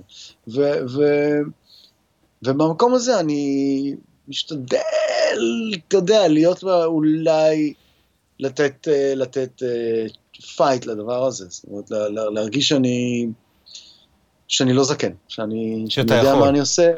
לגמרי. שאני... וזה בינך לבין עצמך, זה לא בינך לבין הקהל, זה לגמרי בינינו לבין עצמנו. יש, בגיל מאוד צעיר, אבל עם כבר עם, עם טעם מוזיקלי, אנחנו יכולים להסתכל ולהגיד, האם, אתה יודע, אני חושב על זה, אני עושה מוזיקה, ואני חושב אם מילה הייתה אוהבת את זה, אם היא הייתה, אם היא הייתה, איך היא הייתה מגיבה למוזיקה הזאת. כן. כן, אה, אז, אז זה חלק מהדיאלוג הוא גם באמת אה, להתכתב, או עם הילדים שלנו, או, או עם הזיכרון שלנו כצעירים. אתה רצית למרוד בדברים מסוימים כשהתחלת כמוזיקאי, האם היום היית משמיע את המוזיקה שאתה עושה היום לאותו יזהר המורד אה, בגלי צה"ל, אה, מה הוא היה אומר? זאת אומרת, זה דיאלוג שאצלי קיים כמעט תמיד. גם מול אבא שלי, מה אבא שלי היה אומר על המוזיקה שאני עושה היום, וגם מה, מה א' הצעיר היה אומר בשנת 88-9 אה, על המוזיקה שאני עושה היום, אז אני, אני בביקורת כל הזמן, אתה יודע, אני, אני לא נותן לביקורת לשתק אותי, אבל אני, אני, חשוב לי שזה זהו, איפה באמת הגבול הזה בין, בין ביקורת שמשתתקת אותך, ש... לבין היכולת שלך להפעיל את עצמך דווקא דרך הרצון להוכיח לעצמך, יותר מאשר לכל אחד אחר, לעצמך היום, אתמול, בגיל 23. הסוד הוא בסוף בליהנות בעבודה. זאת אומרת, אם אני מצליח בזמן העבודה לקום מהכיסא ולרקוד בזמן שאני אה. זה, בזמן שאני שומע את המוזיקה, אז, אה, אז אתה יודע, אז אני חייב לחייך גם בעבודה ולדעת שאני, שאני בכיוון הנכון, שזה כיף. הכיף הוא הפקטור אולי הכי חשוב בעניין הזה. אתה יודע, עכשיו, אחד, אחד, אחד, אחד הדברים שקורים כשאתה מגיע לגיל שלך, ובעיקר, אתה יודע, עם, עם קריירה מפוארת כמו שלך, זה, אני, אני מאמין שזה זה אתה מגיע לגיל שאתה מתחיל לתת, ואני מעבר לנתינה אה, רגילה, לתת לדור הבא של מוזיקאים, לתת, אה, לתת מהניסיון שלך, מהידע שלך, מ, מ, מ, ו, ואתה, יוצא לך לפגוש מוזיקאים צעירים ולתת להם את זה? קודם כל אני עובד עם מוזיקאים צעירים, אני עובד, ואני משתדל אה, ללכת להופעות של... זאת אומרת, אתה יודע, אני גם הולך הרבה להופעות, כן. כשהיו הופעות.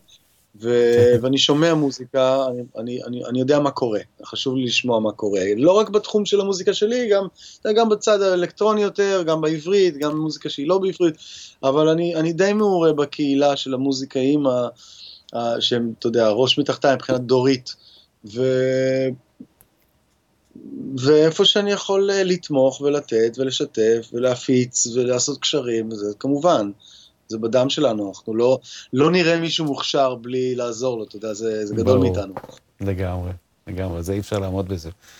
כן, ואם אתה עכשיו צריך לחשוב, אתה יודע, אתה פוגש, אתה רואה, המוזיקאים של היום באמת הם בסצנה אחרת לגמרי, ואני חוזר על זה קצת כמו תוכי, אבל אני, אני פוגש, בין אם פיזית או, או ב, באינטרנט, בפייסבוק, במקומות כאלה, פוגש את המוזיקאים הצעירים, אלה שיושבים בבית עם, ה, עם הלפטופ שלהם, ופריאמפ אחד ומיקרופון, ועושים מוזיקה לבד, ורואים יוטיוב שמסבירים איך לעבוד.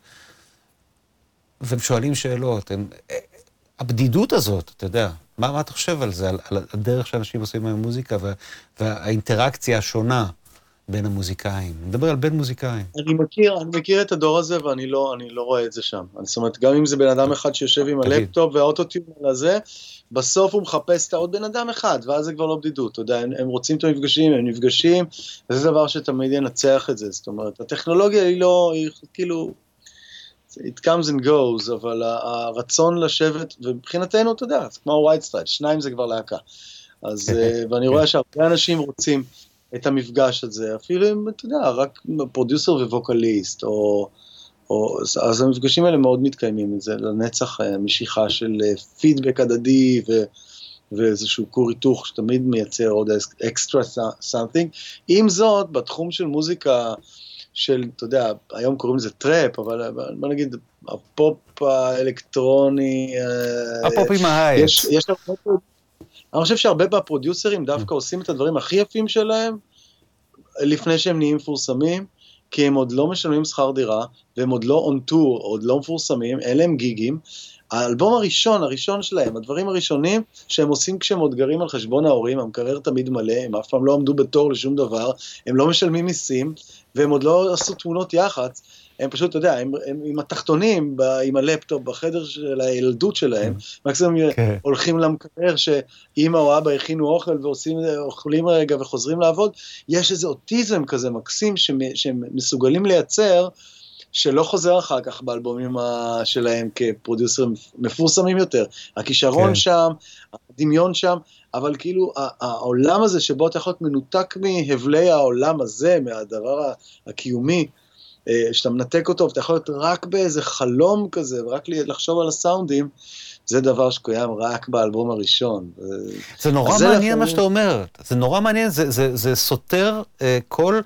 אתה יודע, כל uh, מחשבה קודמת של, של בעצם, של, של איך מוזיקאי צריך להתחיל, אתה יודע, של המוזיקאי הרעב שבא מעיירה קטנה וענייה, שלא יכלה לעשות מוזיקה, והוא מגיע לעיר הגדולה והוא רעב ללחם והוא גר בחור באיזה מרתף, ורק אז הוא יכול ליצור, אתה יודע, אתה מדבר על אנטיתזה מוחלטת לזה, המוזיקאי ה... כמעט מפונק, שיושב בחדר שינה ו- וחי עם ההורים, וזה נורא מעניין, כי זה באמת, המוזיקה, בסופו של דבר, זה היה נכון לתקופה מסוימת ולמוזיקה מאוד מסוימת. ומה שאתה מתאר, אתה יודע, אה, החדר שינה של בילי אייליש ואח כן. שלה בעצם. בדיוק, אה, בדיוק. זה, כאילו הבלוז הוא בלוז, הוא פשוט מקבל צורה אחרת, אבל כן. העצבות תבוא תמיד מתישהו, גם פינוק, אנשים נורא מפונקים, אה, אתה יודע, נוטים להתאבד גם. הכל בסדר. לגמרי, כן. זה יפה, זה מעניין, זה בעצם, זה, זה נותן לי אמון באמת, באמת ביכולת של uh, היצירתיות בכל מצב, גם, uh, ולצאת מהדעות קדומות שאתה צריך להיות האומן הרעב וזה, ובאמת אתה... אבל כן, באמת, הדבר, אתה מדבר על הדבר הזה, על, על, על, על המעבר הזה מהראשוניות, בין היא ברעב או בפינוק בחדר שינה של ההורים, uh, המעבר הזה לידיעה, כי אני חושב שבעצם מה, ש, מה שעושה את, ה, את, ה, את, ה, את, ה, את הייחוד של העבודה הראשונה, של האלבום הראשון, של הפרויקט הראשון, זה, זה שאנחנו לא יודעים עוד כלום. אנחנו רק, יש לנו זהו. מלא חוצפה ואומץ, ואין לנו מושג איך עושים את זה, ואנחנו עושים את זה פשוט, גם אף לא שואלים אף אחד. זה אולי הסוד. זה אולי הסוד איך אומן מבוגר ומנוסה ומוכר ועם קהל ועם קריירה וסוכן ותוכנות, וסוכנות ומנהלים ועניינים, איך הוא, הסוד לעשות את האלבומים הטובים בשלב הזה כבר בקריירה, הוא לשכוח את הקהל ולשכוח את המנהלים ולשכוח את הכל ולהיכנס לבועה וליצור לעצמך מרחב עבודה שבו אתה לאורך זמן, קצוב אפילו מראש, לא ספונטני, אבל מייצר לעצמך סביבה ספונטנית, שבה אתה יכול לשכוח מזה שאתה בכלל אי פעם תעלה עם השירים האלה על במה ולייצר איזה עולם דמיוני כזה, אני חושב שזאת הדרך אה, אה, לשרוד היום כאומן כבר עם קריירה, זה פשוט לשכוח שיש לך קריירה. כי אחרת האלבומים הופכים להיות פחות ופחות טובים, שאומנים עובדים. כאילו, נהיים, כאילו, אתה שומע שהם עובדים. כן, אני, אני מסכים איתך לגמרי, אני מסכים איתך לגמרי.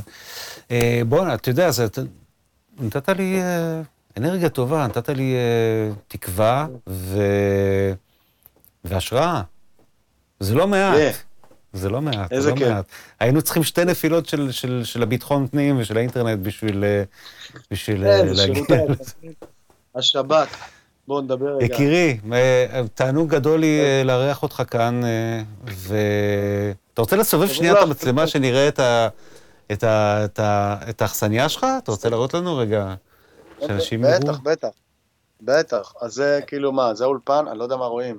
יש פה חלון, מהצד השני של החלון יש תופים, פסנתר, חדר הקלטה, חדר נגינה, אפשר לנגן בו, זה הרמקולים של נוימן שדיברתי קודם.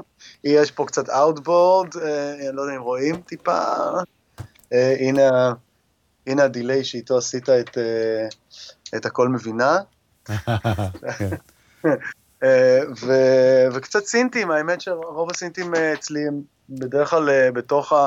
הנה הארפ סולינה שדיברנו עליו קודם, וה-DX7 שאיתו עשית את אהבה, אה, אהבה, אה, אתה ומשה, אהבה לבנת כנף, לא עם זה ספציפי, אבל עם כן. לא עם זה, כן.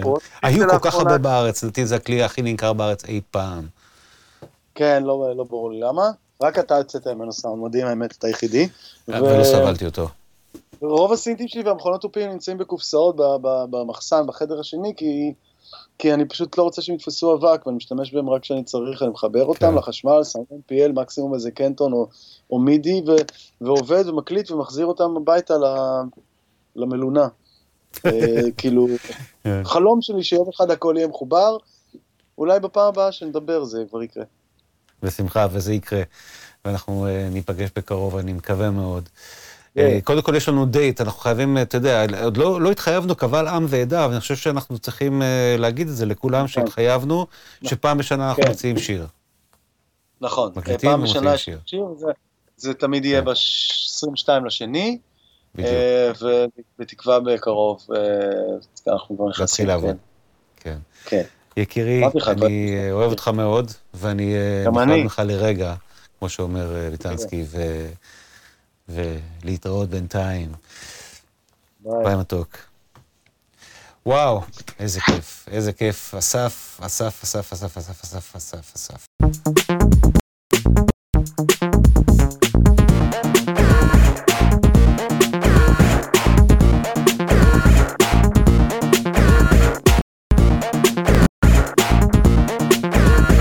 את קורין הלל אני מכיר מגיל שש. כשנסענו לבקר את המשפחה שלה בדירת העולים שלהם בנתניה, יום אחרי שהם עלו לארץ מתוניסיה. אבא של קורין ואבא שלי עבדו יחד במוסד, וככה הייתה לכל אחד מאיתנו ילדות די דומה של נדים מארץ לארץ.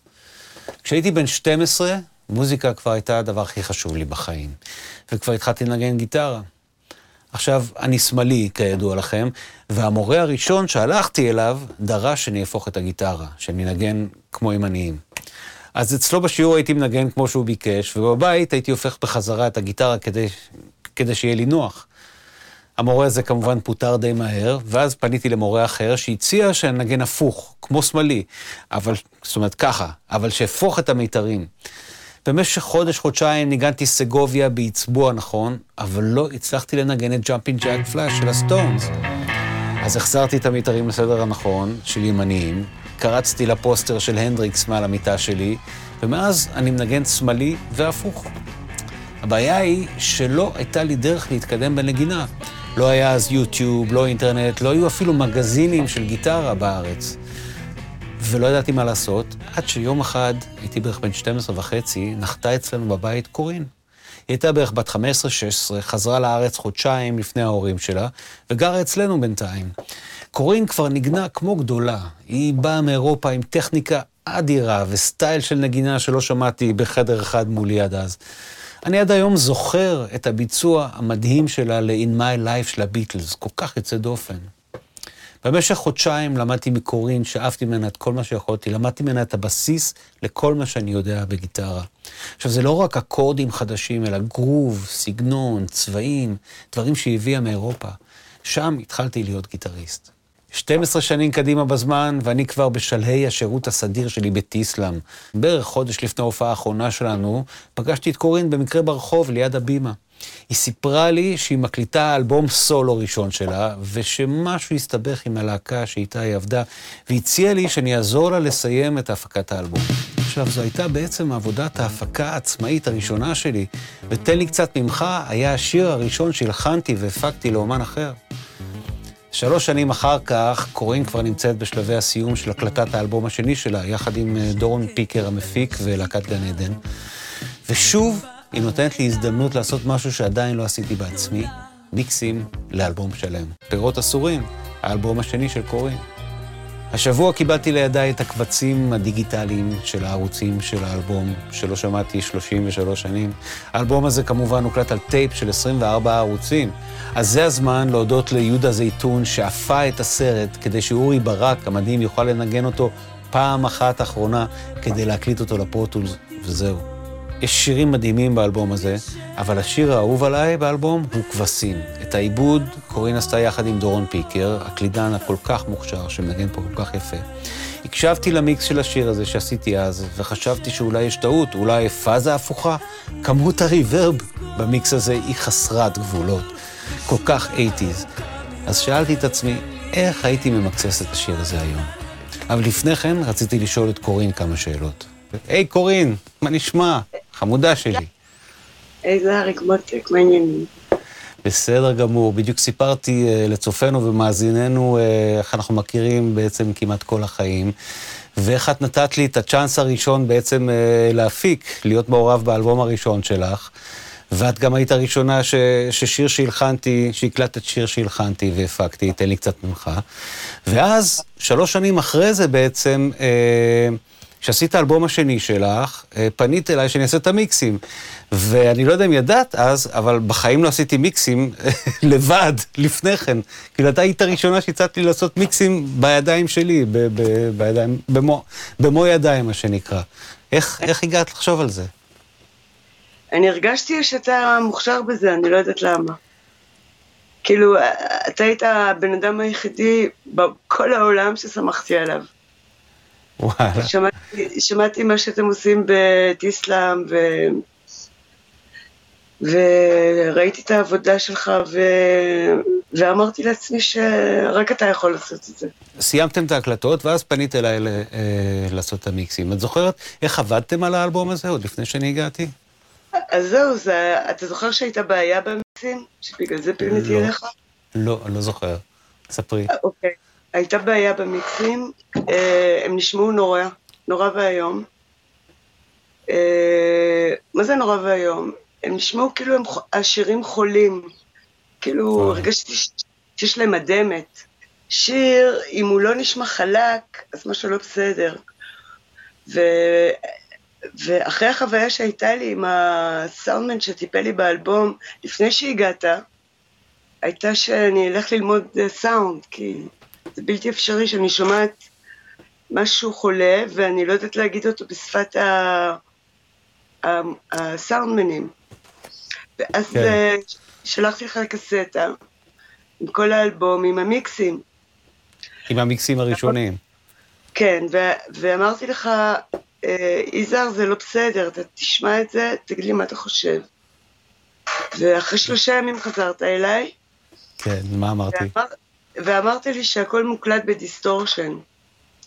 וואו. עכשיו, אני לא הבנתי מה זה, מה זה distortion אז, כאילו, ידעתי אז distortion pedal של גיטרה, אתה יודע, שאתה פותח distortion, אה, אבל לא, לא ידעתי מה זה distortion בסאונד. ועכשיו, אתה בתקופה הזאת עשית את האלבום של עופרה חזה. ימים נשברים. דיבי הראשון בשדרות חן. כן, נכון. כן. ולא היה לך זמן. ואמרת לי שממש אין לך זמן. ואמרת לי, לא אכפת לי, אני אחכה כל פעם שיהיה לך זמן, תגיד לי ונעשה מיקס. וואלה. אז ככה ו- עשינו? במשך שנה, אני חושבת. כל פעם. שהיה לך זמן, התקשרת ונכנסנו לאולפן. אה, לא עשינו את זה ברצף? ממש לא. אה, לא ידעתי, לא זכרתי. אתה היית עסוק, היית מלך. ו- ואני באותה תקופה, בשביל אה, לא להשתגע, הלכתי ללמוד סאונד אצל אה, יואב גרה. אני זוכר, אני זוכר שנורא התרגשתי, כי זו באמת הפעם הראשונה ש, שעשיתי את המיקסים בידיים שלי, כי כבר הפקתי כמה אלבומים לפני כן, אבל תמיד היה לי טכנאי. בין אם זה היה יואב גרה עצמו, ש, שהיה טכנאי הקלטה ומיקסים אצל עפרה חזה, בטיסלאם, האלבום השני, ב, בכל מיני דברים שעשיתי. אה, באלבום שלך הראשון עשה איתנו את המיקסים עמוס שוחט. אבל, פה, זה- ראיתי ראיתי אותך עובד במותק, כן, אפילו שעמוס היה איתנו. כן. אני ראיתי את, ה... את המחשבה שלך אה, על הסאונד. אה, לא יודעת אם אתה זוכר, אבל אף פעם לא דיברתי, נכון? אני אף פעם לא לא זוכר. אני אה, זוכרת... כאילו מה. כאילו לא, לא... היו דברים, אני אני לא זוכר בדיוק, אבל היו, בטח היו לך הערות. אה, ממש לא. הייתי מקשיבה. כן. והייתי נהנית לראות את, ה... את המסע שלך בצלילים. איך היית אה, לוקח צליל ונועל אותו במקום שלו. זה ראיתי במותק. ובגלל זה בפירות אסורים, שהייתי בצרות, כי זה לא היה טוב מה שיש. אז פניתי אליך. עברו 33 שנים בערך, ואיזה בוקר לפני שבועיים שלושה קמתי בבוקר, נכנסתי לאוטו, ושמעתי את uh, כבשים ברדיו, ונורא התרגשתי, ואמרתי, וואו, מעניין אם יש את, ה, את, ה, את הטרקים של השיר הזה, כי הייתי מת uh, לפתוח אותם ולהקשיב לזה ו- ו- ולעשות עם זה משהו אולי בתוכנית שלי, ובכלל, יש משהו ב- בלפתוח טרקים של uh, משהו שעשית, שאתה אתה כאילו פוגש את עצמך בגיל 20 ומשהו, כאילו אתה פוגש את עצמך אז. ואז uh, שאלתי אותך אם יש לך את ה-2 אינץ', את ה-24 ערוצים, ואמרת שלא, זה בטח בחברה, והחברה בכלל לא קיימת בימים אלה, כולם בחל"ת ובבית. ואז איזה שעה אחרי זה כתבת לי מצאתי. וזה היה נורא? מרגש. אתה יודע למה? למה? כי זה הפקה- זה הפקה פרטית שלי, שאני עשיתי, אז כל ה... הכל היה אצלי. ולא ידעתי, לא שמתי לב. כל הטו אינצ'ים היו אצלי. וואו, ושמרת את הכל. מדהים, שמרת את כל הטו אינצ'ים. כן. מדהים. ו- ואז נתנו את זה ל- ליהודה זייתון, שהוא מומחה באפייה. זאת אומרת, אני אספר לאנשים שאולי לא מבינים, אה, סרטים כל כך ישנים, סרטי אה, שתי אינץ' עם 24 ערוצים כל כך ישנים, אה, לא, הזמן לא עשה להם טוב, והם קיבלו המון לחות, ו, ואם שמים אותם על המכונה בשביל לנגן אותם, הם, הם פשוט מתפוררים ומתפרקים. אז מה שצריך לעשות זה לשים אותם באינקובטור באיזה 40-50 מעלות בערך, ליומיים או משהו כזה, על אש קטנה, מה שנקרא, עד שהם מתייבשים ומוכנים, ואז יש הזדמנות לנגן אותם פעם אחת. ולהקליט אותם ל- לדיגיטל, וזהו, אחרי זה אי אפשר יותר. אז יהודה זייתון עשה את האפייה, ואז זה עבר לאורי ברק באולפני קיצ'ה, והוא העביר את זה, ועשה עבודה פנטסטית, בסאמפל רייט גבוה, ב-88 קילו הרץ ו-24 ביט, והאמת היא שזה נשמע, זה נשמע פנטסטי. עכשיו, המיקסים, המיקס של, המיקסים, באמת, אני, אני קצת ביקורתי לעצמי, ובצדק, המיקסים של האלבום הזה, יש להם המון כוח, אבל זה, אתה יודע, זה שיא האטיז, מלא ריברב, יש יותר ריברב מ- מ- משירה, מתופים, מהכל. ומה שמעניין, כמה דברים. קודם כל, הכל מוקלט בסטריאו. כמובן, פסנתר בסטריאו, זה אני מבין, אה, הס- ה pad, ה strings בסטריאו, אבל גם גיטרות בסטריאו, הכל בסטריאו, ו, ו, וזה, את יודעת, בדרך כלל לא היינו כל כך נדיבים אז, כי לא היו מספיק ערוצים, אתה יודע, אתה, אתה גומר את הערוצים נורא מהר אם אתה מקליט הכל בסטריאו, כשיש לך רק 24, ובעצם זה לא רק 24, כי על ערוץ 24 יש time code, ועל ערוץ 23 יש את, ה, את הקליק. אגב, הקליק, שאחרי זה מוחקים אותו, אגב, הקליק, אה, זוכרת את זה? היה. זה בכבשים. עכשיו, מצאתי בסוף חתיכה של תיבה קטנה, והרצתי את זה עכשיו על כל השיר. אז אם רוצים עכשיו להשתמש בזה במיקס, נגיד וואו. אפשר, רוצים אה, כזה, נגיד זה השיר. אז אפשר לשים את זה.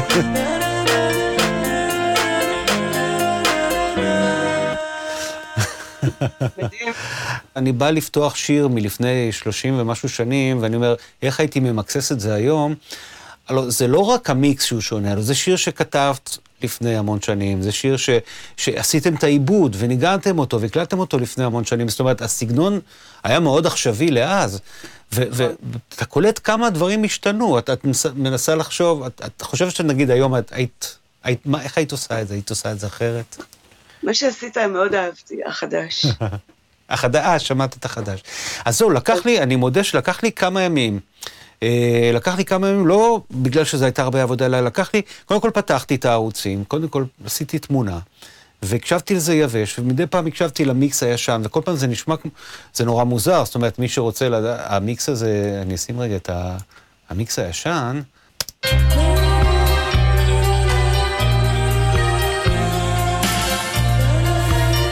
הסנר הזה, אה, זה הטמטם.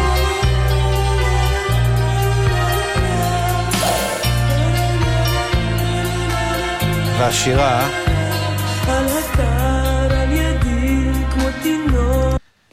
ואז זה באמת המון, אה, המון ריברב בזה, ועכשיו, כששומעים את זה בלי הריברב וזה יבש, זה נורא מוזר. אה, ו- ולקח לי כמה ימים לאט לאט למצוא מה באמת הייתי עושה היום, אבל כן עם לשמור על, ה- על הרוח של אז. זאת אומרת, אז לאט לאט הבנתי שאני כן יכול אה, אה, לה- להוסיף, אה, נגיד, על הרים שוט, להוסיף לו איזה רים שוט של אה, 808 כזה, וגם על הסנר איזה קלאפס, הכל בעדינות, כי הרעיון הוא לא להגיד, בוא עכשיו נעשה את זה 2020 בכוח, כי זה יכול להיות מגוחך. ואיך כן שיהיה את הכוח ושל הריברבים, אבל בלי ה... שהשירה תהיה... ואז החלטתי שאני מנסה על, ה, על הווקליזה הזאת שלך, למשל, לשים מין אוטוטיון כזה, את יודעת, אבל...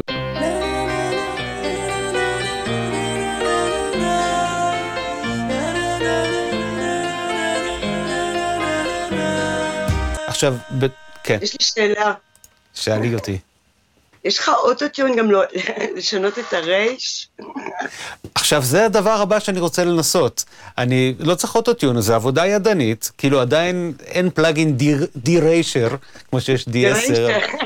די-ריישר, צריך להמציא די-ריישר.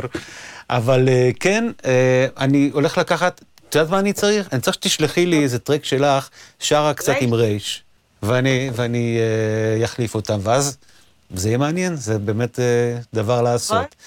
מלא עבודה. מה? לא נורא, אני עשיתי דברים יותר גרועים מזה, תאמיני לי. אה, פעם, יש לי, יש לי שיר באלבום השני שלי, הבלדה, זה הולך אה, תלתלים, תלתלים, אישה, ואז הפזמון, הבית השני זה ער- ערפילים, ערפילים. אני שרתי ערפילים, ערפילים. ואז אוקיי. ממש כבר ב mastering, ב mastering מישהו אמר לי, לא, לא, לא, בחברת תקליטים, זה, זה ערפילים, יפסלו לך את השיר ברדיו. את זוכרת שפעם היו פוסלים שירים ברדיו בגלל העברית? אז, אז הלכתי למיקרופון והקלטתי, ואז ערכתי את זה פנימה, לתוך המאסטרינג. במקום, הוצאתי את הפ ושמתי פ. אז עכשיו זה... ענק. איך, איך, איך עבדנו אז על המיקסים? את זוכרת משהו? את זוכרת אה, את הדיאלוג בינינו במיקסים? אה, אני זוכרת את הדיאלוג שלך עם הערוצים. תסבירי. אה, אה, היית מתחיל עם הבייסדרם, והיית אה, שם עליו, קומפר... שם עליו איקולייזר, ומותח כמה שיותר את הבאסים שלו, ואז היית לוקח קומפרסור, מחבר את זה, זה היה אנלוגי, הכל היה אנלוגי. קומפרסור שהיה מגביר את הנמוכים ומאזן אותם, ואז היית מכניס את כל זה בשרשרת לנויס גייט, כדי שלא ישמעו את, אה, את הסנר וכל מה שנכנס מהמיקרופון של כן. הבייסטראם, כן. כן? ואז אחרי שהכל היה אה, אפוי אה, ונקי, היית מתחיל לאט לאט להוסיף את הריברב. קודם כל הריברב, אה? איזה חולר, כמה ריברב. אז המפגש הזה הוא באמת נורא מרגש, ואני באמת... אה, אה, אני כן חושב שאפשר לעשות לשיר הזה, ובכלל, שירים ישנים לעשות להם מיקסים חדשים, בלי, בלי, בלי לשנות את המהות, כן לשמור על הרוח. נגיד מה שהבן של ג'ורג' מרטין עושה עם המיקסים של הביטלס בעצם, שהוא באמת, הוא נאמן למקור, אבל נותן לזה את, את, את יכולת הרזולוציה שיש היום בעצם, אה, ב, במערכות שיש לנו ובשליטה שיש לנו. אז אה, זהו, וזה נורא מרגש להיפגש עם עצמך ועם העבודה שלך ואיתך, שלפני אה, שלושים וכמה שנים. מטורף, גם לי. גם לי, מתה עליך. מה את אומרת? אני מתה עליך. אוי, מתוקה שלי, מת עלייך. והשיר הזה כל כך יפה. אני מעריכה אותך. וואי. בגללך, בגללך. כן. מהאהבה שלי לראות אותך עושה מיקסים. התאהבתי בלעשות מיקסים גם. כאילו, וואלה. הפ... ה passion הזה, יש לך passion בעבודה, שלא ראיתי הרבה אנשים ככה, ו... ובמיוחד יש לך מוזיקליות, זה מה שהתחלתי להגיד קודם, שהיית לוקח נגיד תפקיד קטן של אה, קלידים, ואחרי שהיית מועך אותו כמו שצריך, היית מוסיף לו דיליים, uh, בצורה מסוימת שהיה מזיז את השיר. זה לא סתם דיליי. כן, אני, תשמעי, אני זוכר, זה דברים שלמדתי, תשמעי, אני לא המצאתי כלום, אני זוכר שהגיע ל... הגיע לארץ אה, אה, ג'ון מקטוויט, הטכנאי שעשה את, אה, את המיקסים לעל פני האדמה של, של שלום חנוך. והוא כן. עשה, אני זוכר שהוא פעם ראשונה שמעתי מישהו שם דיליי על פסנתר וממש משנה את התפקיד. בשיר על פני האדמה יש שם שמיניות כאלה, והוא הפך את זה. וואו. כן. זהו, אנחנו לומדים אחד מהשני, וזה מדהים, לדעתי, זה כל כך יפה ונותן תקווה. תשמעי, בזכותך אני מנגן גיטרה, בזכות זה שבאת לגור אצלנו, שהייתי בן 12-13 ואת היית בת 15-16 ובאת לגור אצלנו חודשיים, את זוכרת, בנוף ים? בטח. באת מחוץ לארץ, באת עם הגיטרה, באת עם, ה, עם, ה, עם הגרוב של, של אירופה. ואני כבר התייאשתי מכל המורים, כי הם הכריחו אותי להפוך את הגיטרה ולהפוך את המיתרים, ואני הייתי שמאלי הפוך, ולא היה לי מי ללמוד. ובאת, וזה העיף אותי קדימה. אז תודה. מה את עושה בימים אלה? תספרי. חוץ מקורונה. אה, חוץ מקורונה, כן.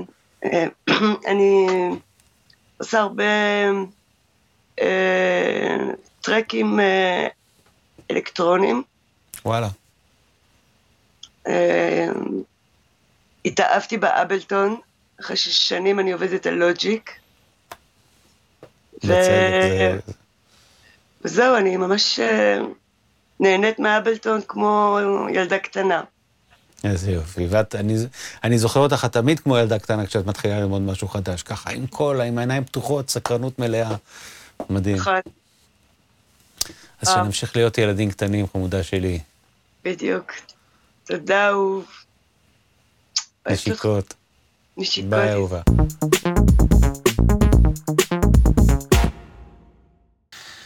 וואו, וואו. תראו מה זה, קורין, אחרי כל כך הרבה שנים במוזיקה, עשרות שנים במוזיקה, עדיין כזה עושה את המעבר מ Logic ל Ableton Live. זה מדהים ומרשים והשראה להמשיך ולהמשיך וליצור ולהתחדש, ותענוג גדול. עכשיו, דיברנו על המיקס הזה, ואני עכשיו, אה, מן הסתם, אני רוצה לעשות, להשמיע לכם ולהראות לכם אה, מה, מה עשיתי ככה. אז אני, אני אקצר קצת את התהליך, כי אני כן כבר עשיתי הרבה תהליכים, ואני אפתח פשוט, אה, אתחיל לנגן ולפתוח ערוצים אה, ככה, מההתחלה, ממש מההתחלה. ובשביל זה אנחנו צריכים ככה להתחיל לפתוח את הערוצים, ו...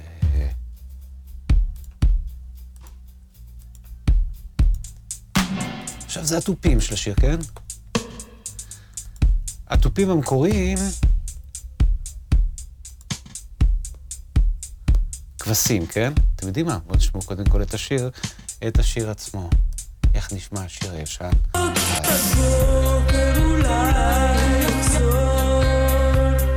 חושבת,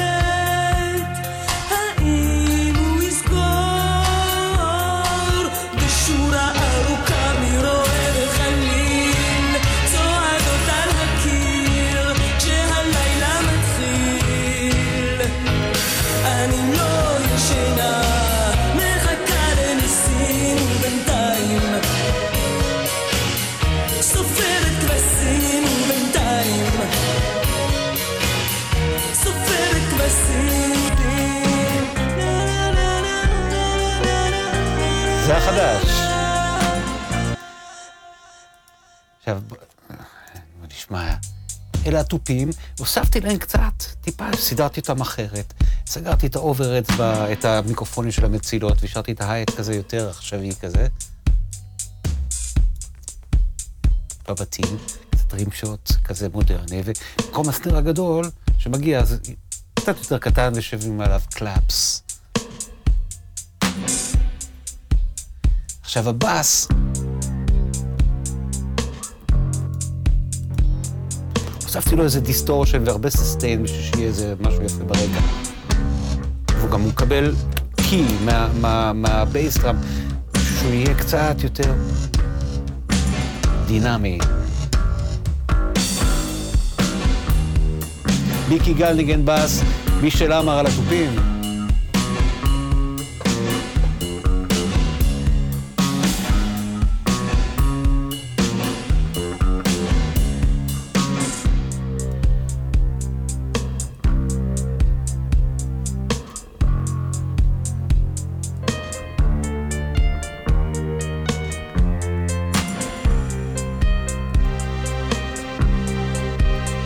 שימו לב שגם ה pad מקבל מה bass drum הוא, side chain compression בשביל להיות יותר דינמי, דברים שלא עשינו אז. בואו נדבר רגע על הגיטרות האלה כאן, אה, ככה רק שתראו שאני, אני עובד בעצם, אני לא צריך לראות את עצמי פעמיים, נכון? אז... איפה הגיטרות? איפה הגיטרות? איפה הגיטרות? ככה.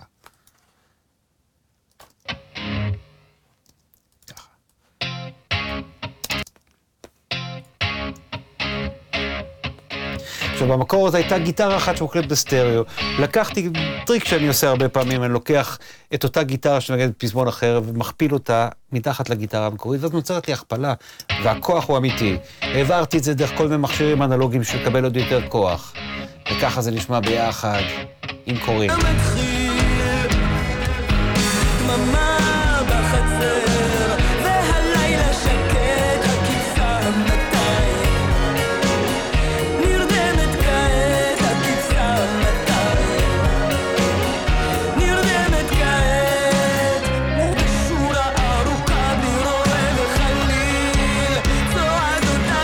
כן, אנחנו כאן בלופ.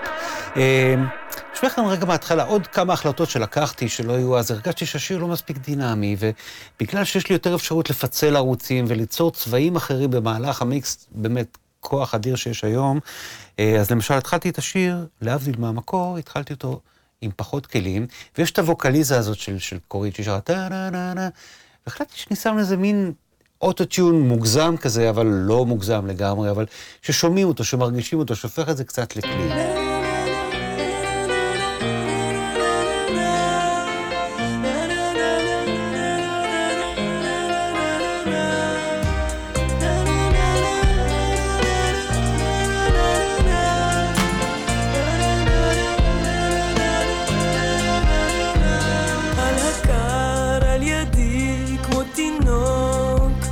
הוא נושמים?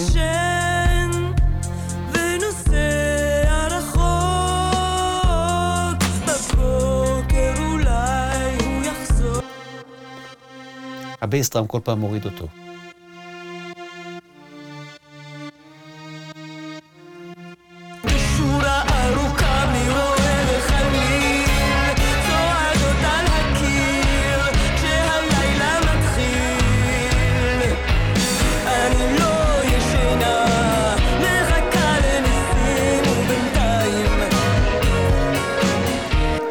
לנו אפשרות לשליטה אחרת לגמרי היום. זה למשל צבע אחד, זה כלי אותו כלי, אבל הוא בצבע אחר.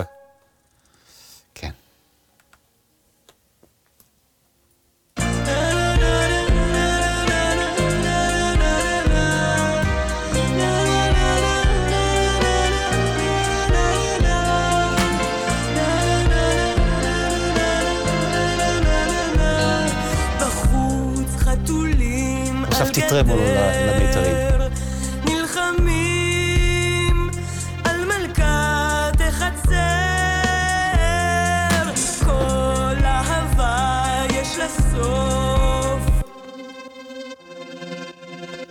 זה משהו שעשיתי עכשיו. עוד עניין.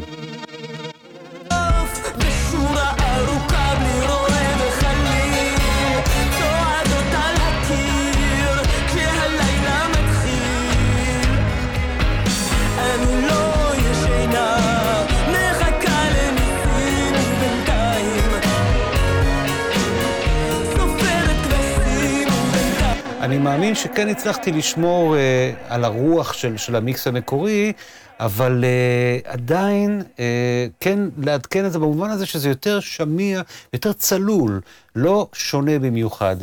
אה, מה רציתי להשמיע לכם אה, בהקשר הזה?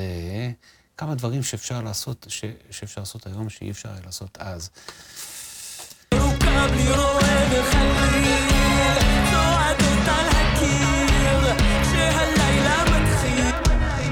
אלה התופים.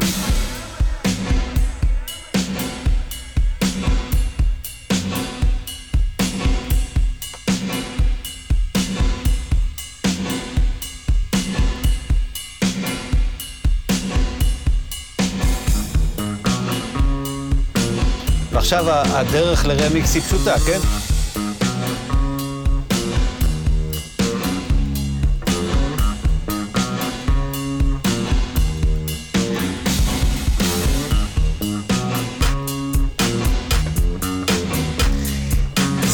הגייד של פרקשן שהיה רק כדי שמי שישמע משהו באוזניים. ואני מוסיף את זה עכשיו.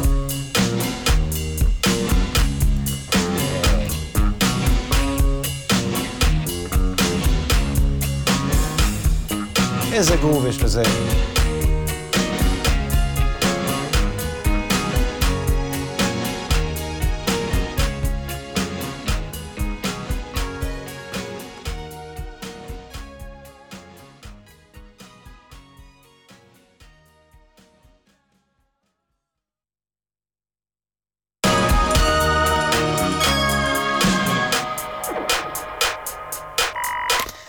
מה שאתם שומעים כאן בסוף זה הטיים קוד שהיה מוקלט על ערוץ 24. אז ככה בקצרה, הראיתי לכם מה אפשר לעשות, איך הייתי ממקסס את זה היום ועדיין לשמור על, אה, על התחושה שהייתה אז.